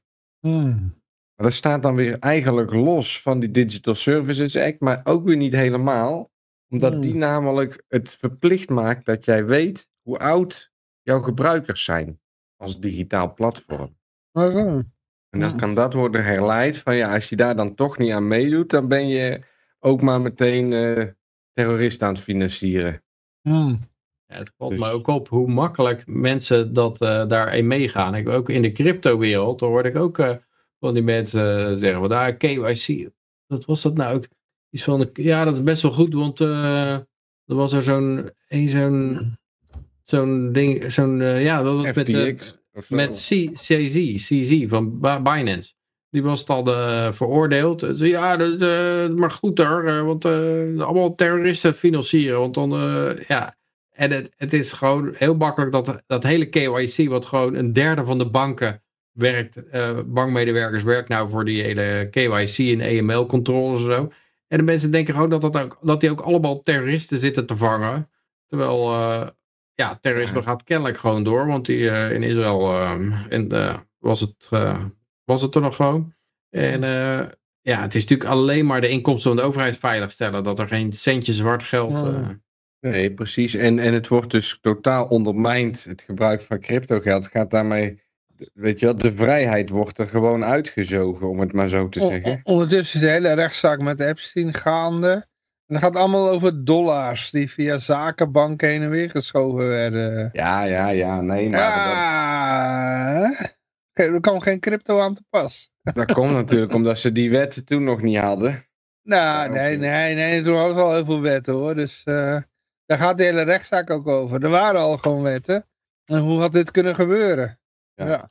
Maar als je dus echt de leven, het leven van, of nee, sorry, de droom van Satoshi Nakamoto wil nastreven, dan heb je dus gebruikers nodig die dat snappen. Snap je? Want anders dan gaat iedereen inderdaad gewoon zijn dollars in een ETF uh, eh, smijten. En dan schiet de bitcoin omhoog en dan zeggen ze, oh kijk eens hoe rijk ik ben, ik verkoop ze weer voor mijn digital currency hey, maar bitcoin, als die gebruikers hebben, dan moet je weten hoe oud die gebruikers zijn. Anders dan, uh, dan ben je een pedofiel of zo. Ja. Dus dan, uh, dan is het eigenlijk illegaal. Precies. Ja, kijk, ik heb zo'n neefje van 14, die is helemaal in, in, in de crypto hoor. Dus, uh... Er zijn dus heel veel mensen, ja, maar als die, als die naar Binance gaat, dan zegt Binance, jij mag nog niet, je bent nog geen 18. Nee, weet ik, dus ik had hem ook uitgelegd van hoe je... Hij mag sowieso niet naar Binance, die mogen heel Nederland niet in. Ja, dat is ook weer zo. Nee, maar dat is ook niet in geïnteresseerd hoor. Dus hij wilde gewoon ja, ook steken op zo'n uh, osmosespoel en zo. En dat mag dus binnenkort, wordt dat allemaal door de EU strafbaar gesteld. Mm Alles. Dus dat geloof ik wel voor bedrijven groter dan zoveel, zoveel medewerkers. Nee, zo, nee, dat is nu al in. Dat gaat nu al in. En dat is vanaf augustus al bezig. Maar vanaf februari geldt het voor alle bedrijven, ongeacht hoe groot je bent. Mhm. Dit is nou alleen de testfase, zitten ze nu in met Facebook en YouTube. Of ik moet zeggen Alphabet en Meta. En uh, vanaf februari gaat het voor alles gelden. En de massale arrestatie, dat zal nog wat worden als Disease X-pandemie eh, straks komt. En ja. Uh, ja, ze gaan gewoon alle platformen stilleggen die proberen. Ja, ik heb al een nieuw... nieuw is er al is er, zijn de alternatieve paden al gebouwd? Uh, waar moet ik dan toe gaan dan? Ja, daar, ga ik, daar ben ik nou mee bezig. Ik heb al mm. een heel nieuw strijdplan heb ik uitgeschreven. Ah, Die komt binnenkort online. Zodat ik niks buiten de regels doe. Mm -hmm. En uh, dan kan ik toch mijn propaganda Ik had hem verteld over local crypto's. Voorheen uh, local bitcoin. Oké. Dus uh, maak gewoon een date met iemand. En, uh, Precies.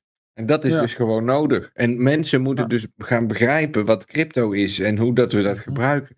En ja, jammer genoeg, de alle bitcoin-maximalisten die ik de laatste tijd spreek. Ik heb nog met die jongen van vorige week nog een half uurtje gebeld.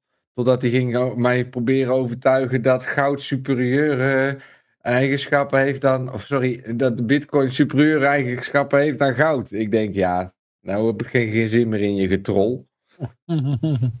Als je het niet wil begrijpen, dan moet je inderdaad gewoon lekker gaan. Uh, gaan ja, je van tevoren kunnen weten. Ik bedoel, weet ik, als mensen ergens helemaal geen geïnvesteerd zijn. Ja, maar het punt is dus, er bestaan verschillende dingen die we moeten gebruiken mhm. om vrijheid te bereiken. En, en, als je dan alleen maar gaat zeggen, bitcoin is superieur over goud, je, ze, mhm. ze, moeten met elkaar samenwerken. Dat is het hele punt. Nee, maar dat gaat niet werken. Als iemand uh, geïnvesteerd heeft in een drol, dan wil hij daar niet meer vanaf. Dan, die drol is heilig. Nee, precies. Maar daarmee is hij dus wel de toekomst van zijn kinderen aan het verraden. Ja, maar dat, dat, zien mensen niet. Hè? Dus dat, zo... Nee, maar daarom ben ik nou die tekst aan het schrijven, Johan. Ja. Dan ga ik ze dan vertellen. Dan gaan ze het wel zien. Ja. nee, dat gaan ze niet zien. Nee, het, het, het, het, het, is eigenlijk heel, heel... In combinatie met 1 euro per e-gulden. Mhm. Dan zien ze het. Ook niet. Dan gaat de e-gulden op 100 euro. Dat zien ze nog niet. Ja, nou... Dat gaat wel gebeuren. De e-gulden gaat naar 100 euro. Dat weet ik nu al.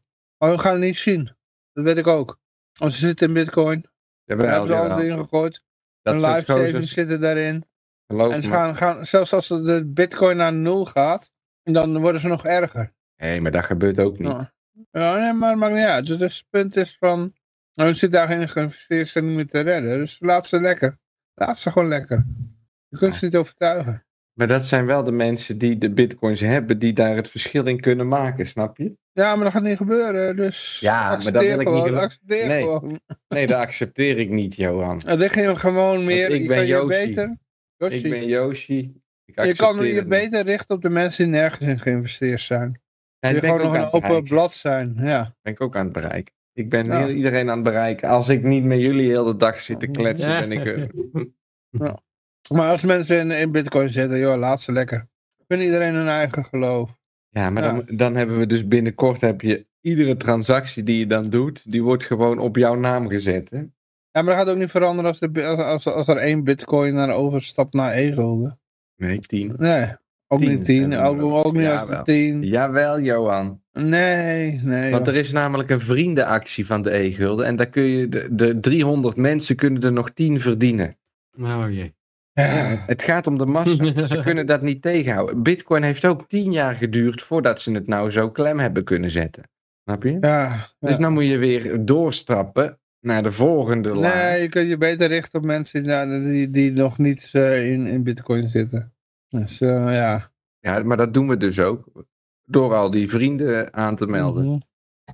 Maar, maar, ik verbaas me Bitcoin vooral... Bitcoin maximalisten overtuigen is... Uh, speelde energie. ik, verta ik, ik verbaas me vooral over al die mensen die mm. dus allemaal berichtjes plaatsen op social mm. media. Die zeggen betaal alles contant. Maar dan bedoelen ze, ik ontvang mijn pensioen en mijn uh, toeslagen en mijn salaris ontvang ik digitaal via de bank. Mm. Maar ik wil ze wel uit de muur kunnen pinnen, zodat ik het idee heb dat het anoniem is. Ja, maar het is, het is beter je houdt wel, als je contant betaalt aan je werkster of zo, hou je een contant circuit in leven. Uh, waardoor mensen die niet hun geld digitaal krijgen, nog steeds kunnen opereren. Als jij alles digitaal ontvangt en digitaal uitgeeft. Dan doe je het voor een ander.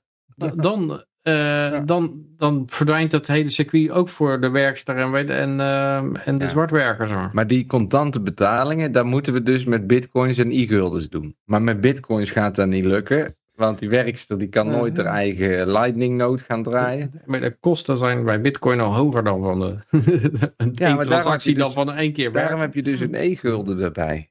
Oh, leg het nog eens uit uh, Yoshi. Ja. ja. ja. ja. ik weet niet hoe, hoe dat... Uh, ik, ik vind het ook een beetje een raar idee dat eigenlijk nergens is het dat er de winner takes all verhaal Behalve zou het dan bij bitcoin moeten zijn. En het zou ook de, de, de first time right zou het ook moeten zijn. Uh, wel eens, hij zei ook van ja, al die vorken die zijn mislukt. Dat zeggen veel maximalisten ook. Hè. Die zeggen van ja, Bitcoin Cash en SV en al die Terwijl Bitcoin Cash is helemaal niet mislukt. Er zijn een aantal mm. landen waar je gewoon letterlijk gewoon met Bitcoin Cash in de supermarkt kan kopen. Ja, dat, mijn antwoord maar, daarop. Maar, maar, wacht even.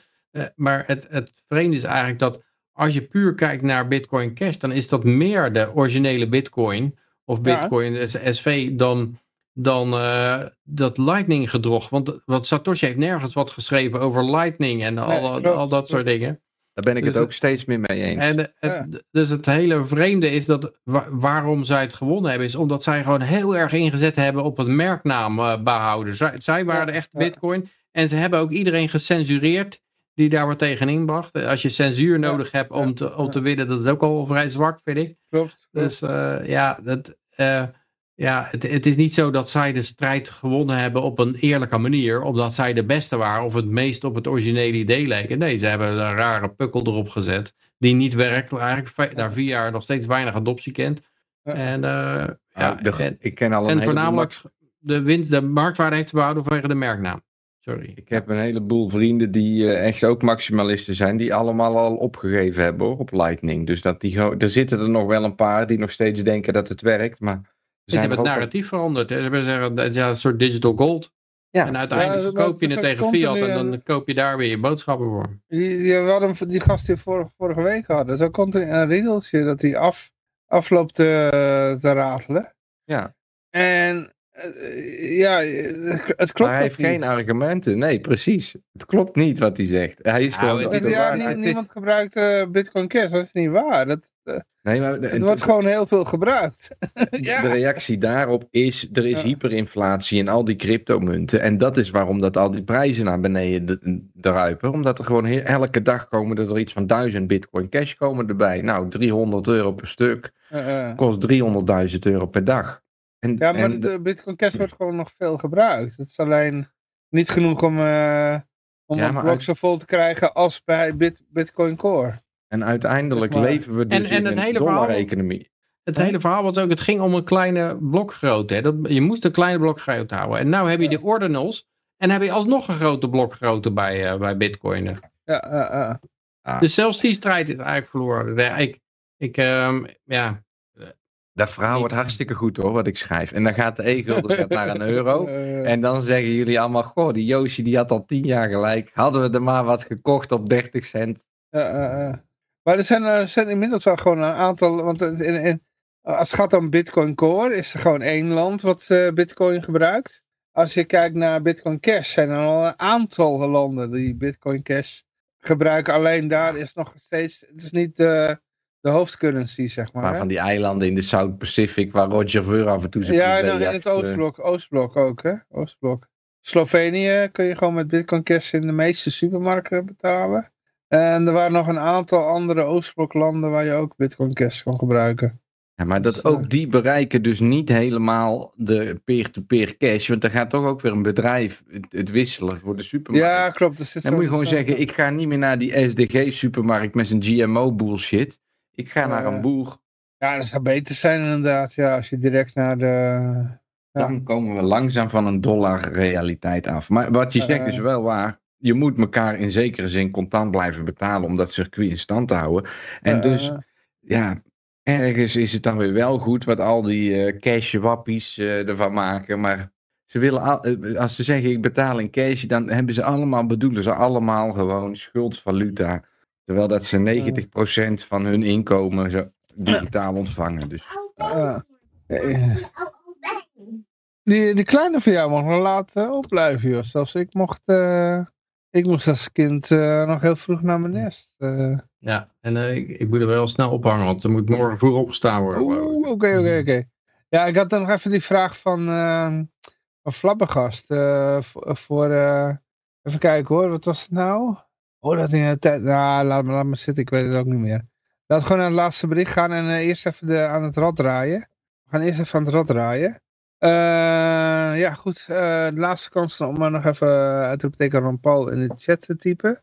Dat is uh, 3, 2, 1 en nu ben je te laat. Hoppakee. we gaan draaien. Wie gaat het worden? jullie kijken, oh ja hier. Het is uh, alweer zomaar kijken. Alweer. Even heel veel mazzel joh. Ja, volgens mij was het zomaar kijken. Heeft hij al een winkel gevonden waar hij ze uit kan geven? Ja, inderdaad. ja. Ik werd laatst gebeld door de pizzazaak waar ik met Bitcoin dag 2014 een pizza gekocht had. Oké. Die zei, goh Yoshi, we hebben die bitcoin uh, toch weer teruggevonden, maar dat is ineens veel geld waard joh. Oké, okay. krijg je allemaal gratis uh, pizza's? Nee, ik heb daar met bitcoins voor betaald. Oké. Ja, zo, ben, zo, zo heb ik heel veel winkeltjes uh, een keer crypto geld kunnen laten accepteren. Oké. Okay.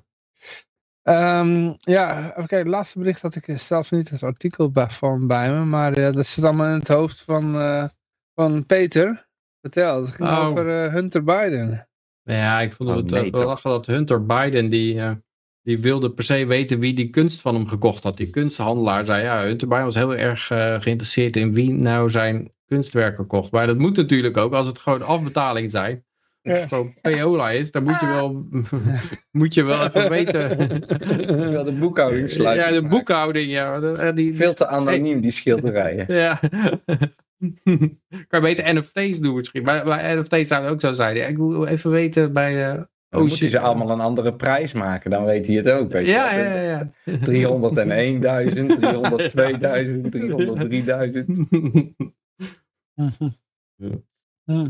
Oké, kunnen we dan... Dat, zijn, uh, dat, maar dat doen we alles eigenlijk. Dat leren wij dan weer voor de volgende... Voor de, als wij het ooit zelf nodig hebben. Als je ooit zo'n NFT-serie gaat lanceren om geld weer te wassen... dan moet je ze allemaal op een andere prijs aanbieden. En dan moet je dus al jouw klanten ook zeggen... je moet dit zo en zo en dan... Uh, precies een bedrag, is, snap je? Het is nog lastig, zo'n criminele organisatie. Uh. Ja, precies. Ja. Maar het is niet crimineel. Want het is nooit uh, nee, het is gewoon, uh, hey, hij is gewoon wettig bezig. Uh, Om de grens van de wet opzoeken.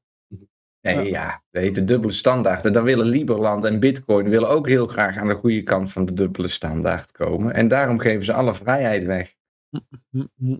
Ja, Goed, die, zucht, ja. die zucht bestaat toch steeds om erbij te horen bij het. Ja, ja precies. Nou, en ik heb mm. dus de, de tegenovergestelde richting gekozen, alweer.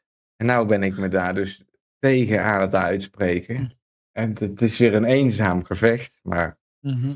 voor de goede zaak heb ik er wel een leuk verhaaltje weer omheen gedraaid. En als ze dus eh, gaan beginnen met die Digital Services Act, dan speel ik elke dag een spelletje op stream.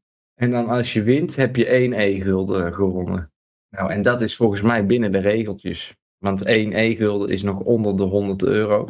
Dus dan uh, mag het nog wel dan val je buiten de, laat ik het zo zeggen, dan heb ik binnen het wettelijke kader volgens mij een goede niche gevonden. Hm. Hm. Ja, nou ja. En dan kun je die e-guldens die je van mij koopt, want anders dan zegt iedereen, wel moet ik ermee? Maar ik accepteer dan alleen e-guldens als donaties. Je kan bij mij geen uh, PayPal, uh, Twitch-account nemen, want ik heb zelf geen PayPal. Ik gebruik alleen crypto. Ja. Heb jij nog van die supernerd uh, teruggehoord? Of uh, hoe zeg je dat ook alweer? Van die, van die Bitcoin Cash gasten? Ik? Ja, je, je had toch een vraag gesteld op een gegeven moment bij iemand. Of dat er iets van uh, op Twitch geregeld kon worden. Nee, ik heb niks gehoord verder, nee. Nou, volgens mij, ze hebben mijn adres toch niet? Nee, maar ja, als ze het gebouwd hebben, kunnen ze erom vragen bijvoorbeeld. Wat is adres? Ja, maar hoe dan? Ze weten mijn adres niet, dus ja. Ja, ja. Ik denk eerder dat ze jou uh, zullen benaderen. Maar... Ik heb in ieder geval niks gehoord. En daar is Lucas. Yo. Oh, we willen net afsluiten. Mm. uh, Peter, jij wilde weggaan, hè? Want je had uh, nog wat klopt, te doen. Ja. Hey, dankjewel, leuk dat je erbij was. Hoi, hoi. hoi, hoi. Ja, bedankt voor Peter. En daar is Lucas. Jullie waren bijna klaar? Ja, we waren eigenlijk gaan afsluiten, ja. Oh. Maar je kan nog even je verhaal doen hoor, als je wil. Oh joh, ik heb geen verhalen. Het is alleen maar... Uh, ik word alleen wel heel blij van Milei. Uh, momenteel. Oh joh, je loopt de hele dag met een, stijf, uh, sorry, met een uh, bobbel in je broek vanwege mijn lij. Nee, dat niet. Dat, het is geen vrouw, hè. Dus dat... Oké, oké. Nee, maar goed. Hij zit eigenlijk een soort corporatisme te verkopen. Dan, dan word ik daar gewoon heel blij van. Of het allemaal mhm. gaat lukken, dat is natuurlijk het tweede. Uh, dat moet de tijd uitwijzen. Mhm. En ik word ook wel blij eigenlijk van dat Trump in Iowa die, uh, die voorverkiezing ruimschoots heeft gewonnen. Oh, en toch? dat vind ik vooral leuk. Mhm. Niet zozeer omdat het een goed politicus zou zijn, maar omdat zoveel mensen daarvan helemaal over de giegel gaan. En ik kan daar intens van genieten. Ja. Okay, ja. ja, dat valt inderdaad wel op. Dat ze toch een beetje zich laten kennen. Hè? Ja. ja. Er is ook zo'n kanaal en dat heet dan Republicans for Trump. En die knipt dan stukjes uit die interviews die hij doet. En dan trekken ze dat uit de context. En dan maken ze daar een punt van. Dat hij zegt: uh, Ik ga een dictator worden, zegt hij dan. Bijvoorbeeld. En dan knippen ze alleen dat stukje eruit. En dan zeggen ze: Zie je wel, hij zegt het zelf. En dan, nou ja. en dat zijn dan Republicans for Trump? Nee, against, against Trump. Republicans oh, against, against Trump. Ja. Ja, maar daar moet je ook al, altijd oppassen met wat er in de media voorgeschoteld wordt en uh, ja, waar dat vandaan komt. Ja, dit is dan social media. Ja. Ik heb persoonlijk helemaal niks met Trump en ook niks met Biden, dus... Uh... Nee, ja. ja. Maar ik heb uh, berichtjes gelezen over de interpretatie van Milei, dat hij eigenlijk hier een corporatisme loopt te verdedigen en dat het helemaal niks met libertarisme te maken heeft. Ja, daarom vind ik, ik Mila, ja, ik ben ook, uh, ik ben nog kritisch. Uh, ik heb zoiets van, ja, het kan inderdaad mm, nog steeds zoiets zijn, uh, ja. Maar hij heeft natuurlijk wel het bedrijfsleven nodig om ja, die transitie te kunnen maken. En dit, We kunnen alleen achteraf zeggen of hij inderdaad een libertariër was. Ja. ja.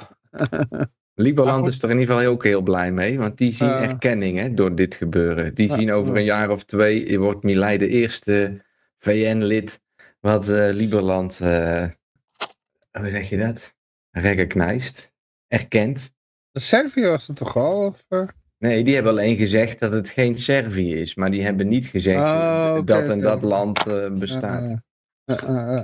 Ja, en ehm, wat ook nog wel grappig zou zijn, is sowieso dat als er echt positieve dingen gebeuren, dat dat ook gewoon een positieve weerslag kan hebben op het libertarisme.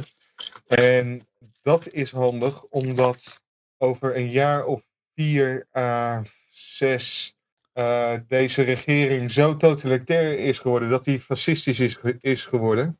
En ja, dan gaan mensen, die hebben dan gezien dat de PVV-stemmen niet werkt. De boer-burgerbeweging ook niet. Waar ik nog steeds lid van ben, overigens, zat ik me te bedenken.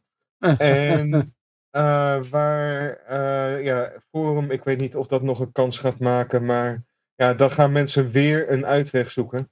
Ja, stemmen met je portemonnee, Lucas. Ja, ja maar het, het, kan niet zo zijn dat, dat, dat het maar eeuwig dat we in een DDR-situatie kunnen gaan belanden. Dan gaan mensen Hmm. gewoon echt denken van dit kan niet langer. Maar dit Wat is al uh, 20 jaar, Milei? 20 jaar Maar, maar wat, is, wat is Milei uh, mensen het helikopters gaat gooien?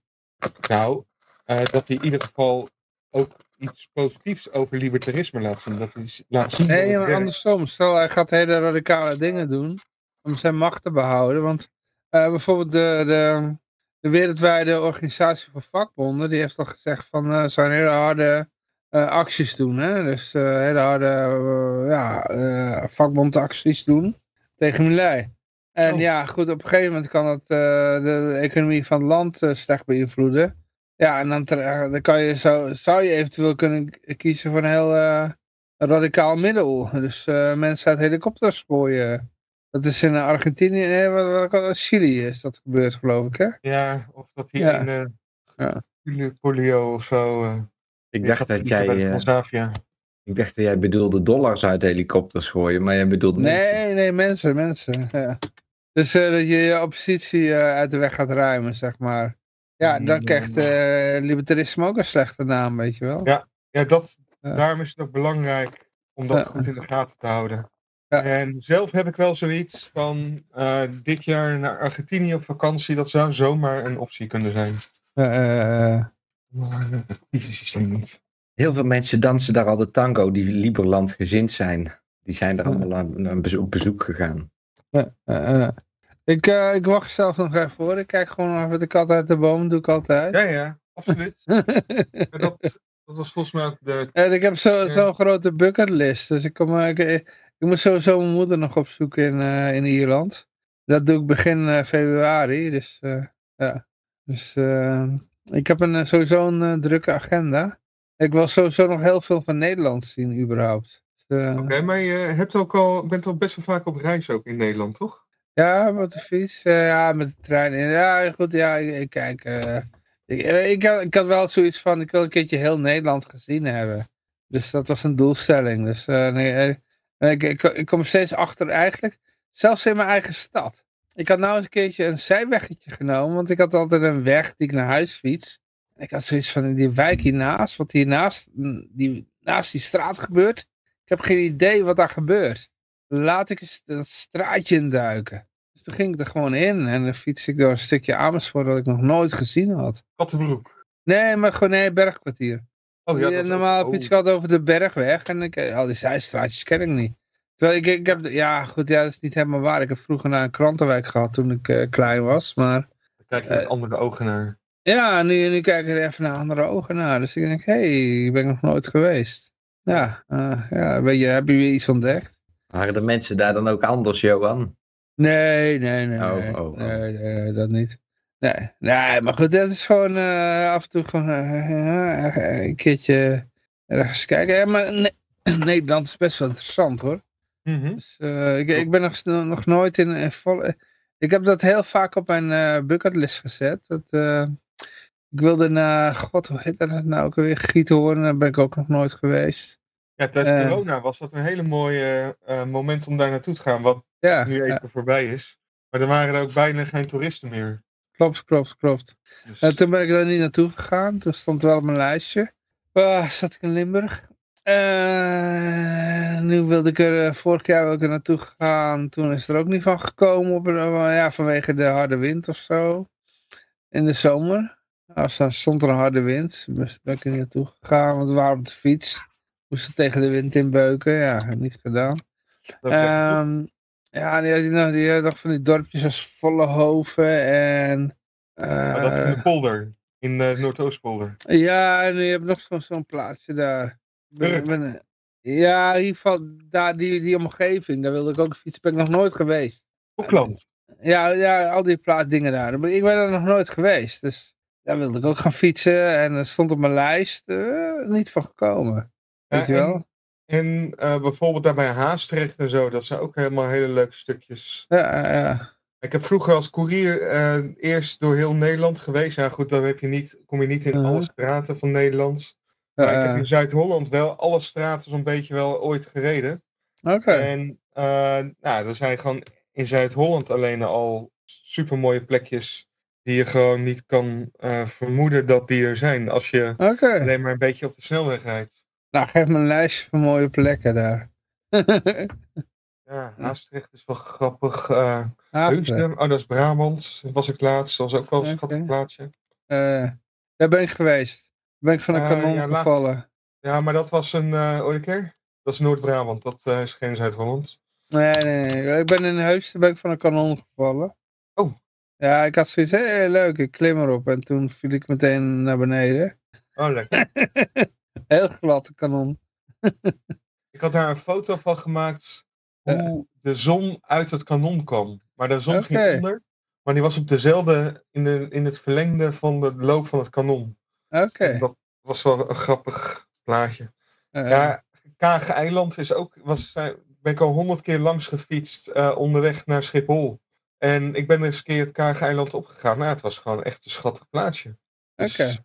Okay. Uh, bij Noorden is ook leuk daar. Meijen is ook schattig. Uh-huh. Ja. Ja, er is nog zoveel te zien, joh. Ik, uh, ik, ik, heb er een hele lijst, joh. Uh, zelfs van Europa. Dat, wat ik nog allemaal wil zien, weet je wel. Ja, dat, gaat, dat ga je niet meer lukken, joh. Nou, ik ga wel uh, kijken of ik kan halen. Dus, wie niet waagt, niet, wie, wie, wie niet wint, hè. Dus, ja. Maar goed, ja, ik wil wel even een eindje breien, want ik moet morgen, mag ik iets, iets later op, maar ik moet wel uh, ja, zes uur uit mijn nest, geloof ik. Ja. Dus ik brouw er even een eindje aan. Ja. ja, je kan even blijven hangen hoor. Maar ik, uh, ik ga in ieder geval officiële einde inluiden. Dus ik wens iedereen een vrolijke en vooral heel erg vrije week toe. Ik zou zeggen, toedeledokie en hoppakee, hier is de eindtune. Dat was de opname. Oh, wist je net opname? Ja, dat is wel grappig. Ja, ja, die praat niet door de eindtune heen. Oh, dat maakt niet uit. Ja joh, we zijn zo professioneel. We, we, we doen niet eens uh, de moeite om professioneel te zijn. Uh, uh. Oh jongens. Ja, ik ben best vergaan joh, ik weet niet. Ik uh, geen idee waardoor het komt. Ik kom net uit bed Johan. Ik denk, oh verrek, het is donderdag, ze zijn bezig. Oh joh, je hebt een leven joh. Ja, ik ga nou een verhaaltje schrijven. Oké, okay. dat is jouw productiviteit, ja. ja. Hoeveel community, hè? We zijn nog steeds bezig. Dus. Uh, ja, op de, het wordt nog steeds gestreamd hoor, dus... Uh... Ja, daarom zeg ik het ja. nog even. Oh, nee, ik, ik moet nog echt in een bedrijf staan en dan allemaal shit doen, dus ja. Ja, maar we moeten bitcoin gaan decentraliseren. Want anders dan wordt dat ook weer afgepakt van de vrijheid. Ja, kan, kan, kan een ander bedrijf dan Blockstream ook uh, diensten leveren op uh, bitcoin? Nou, als je dus bijvoorbeeld de stichting E-gulden neemt, die hebben nog 3 miljoen E-guldens uit te delen. Dan moet je vriend worden. Ja, kan die dingen op de blockchain van bitcoin doen? Ja, de, als je via Komodo heb ik een order vandaag uitgezet. Uh, nee, je snapt niet wat ik bedoel. Uh, Jawel, dat gaat op de bitcoin. Dat gaat op de bitcoin blockchain. Oh, oké, oké, okay, ja, goed, ja. En dan kunnen we peer-to-peer, -peer, zonder KYC, kunnen wij een transactie ja. doen. Voor 10 Ja, oké, oké. Okay. Nee, tien... ik bedoel meer echt dat je zegt, als, net als Blockstream. Uh, nou ja, dat is dus uh, zoiets. Het zijn okay, een paar okay. mensen die houden een blockchain voor jou bij, die openbaar inzichtelijk is. En dan kun je daar gebruik van maken voor een fractie van de prijs. En dan betaal je met, met elkaar contant. Ja, ik uh, hoorde ook dat je een bitcoin kon minen gewoon vanuit huis. En dan was het niet een machine waar je veel geld mee kon verdienen, maar waar je wallet dus in ieder geval wel gewoon extern dus op jouw eigen computer was opgeslagen. Was dat onzin wat ik, uh, zoals ik het heb, denk te hebben gehoord? Uh... Ik heb vroeger wel eens een keer een PC gehad uh, waar ik bitcoins op minde. En, dat is 2009 of zo. Zoiets. Toen zat ik in Luxemburg volgens mij. En dat, toen ben ik het wachtwoord uiteindelijk kwijtgeraakt. Dus ik kon er opeens ook helemaal niks meer mee. Maar dat was echt heel dom. Maar... Het change-adres komt op een ander adres binnen. Is dat uh, wat er mis is gegaan? Of niet? Want ik had ik een vriend... Had dat ding uitgezet. En toen moest, had ik hem weer aangezet. En toen moest ik een wachtwoord invoeren. En ik wist niet welke... ik had mijn wachtwoord niet ingevuld. En ik had het wel heel moeilijk gemaakt. Want er waren heel veel karakters. Dus, uh, maar die had ik nooit ergens vastgelegd. Ja. Oh. ja, en dan komt het wisselgeld van, de, van een transactie komt op een ander adres en dan raak je ze eigenlijk kwijt. Ja. Dat is een vriend van mij ook wel eens overkomen en die had dus op een paper wallet had hij het staan en daar had hij toen één keer gebruikt. En toen kwam dat op een ander adres en de volgende keer wilde hij weer terug naar die paper wallet. Maar toen stond het dus op een ander adres waar hij het, ook de sleutel niet van had op dat moment. Ja, oké, okay, is misschien anders, want jij zegt nou, ik ben het wachtwoord vergeten. Ja, dat was gewoon achteraf super dom natuurlijk, want ik had dan gillend rijk kunnen zijn. Maar uh, goed, dat hoort erbij. Ah, dan had je er ook... ben ik blij met mijn bitcoins die gewoon uh, weer lekker, nog steeds gewoon op stoom zijn. Als je zo makkelijk toen je wachtwoord had vergeten, had je dat in de toekomst ook gedaan. Dus uh, nou, ik had als je daar niet van geleerd hebt, dan ga je die fout steeds weer opnieuw maken. Dus als je dan uh, heel veel bitcoins toen had, was je sowieso kwijtgeraakt. Omdat je niet die les had geleerd van je wachtwoord onthouden, dat soort dingen. Ja, snap je? Nou, ik had uh, gewoon even dat in een wachtwoordmanager of in, uh, in een... In mijn... Nee, nee, niet in een wachtwoordmanager. Sowieso onthouden en ergens op papier schrijven. En op een plek bewaren zoals in een kluis. Ja, maar goed, het was gewoon een Als beetje... je dat niet doet, dan raak je het gewoon kwijt. Ja. Ja, ja dat, is, dat is gebeurd. Ja. Toch gelukkig, toch ben ik gelukkig. Dus niks aan de hand. Jij raakt geen wachtwoorden meer kwijt? Nee, dat is gewoon stom. Ja, maar of heb je overal hetzelfde wachtwoord voor inmiddels? dat kan ook, hè? dus uh, ik neem één wachtwoord dat ik niet meer vergeet. En dat hou ik gewoon voor alles.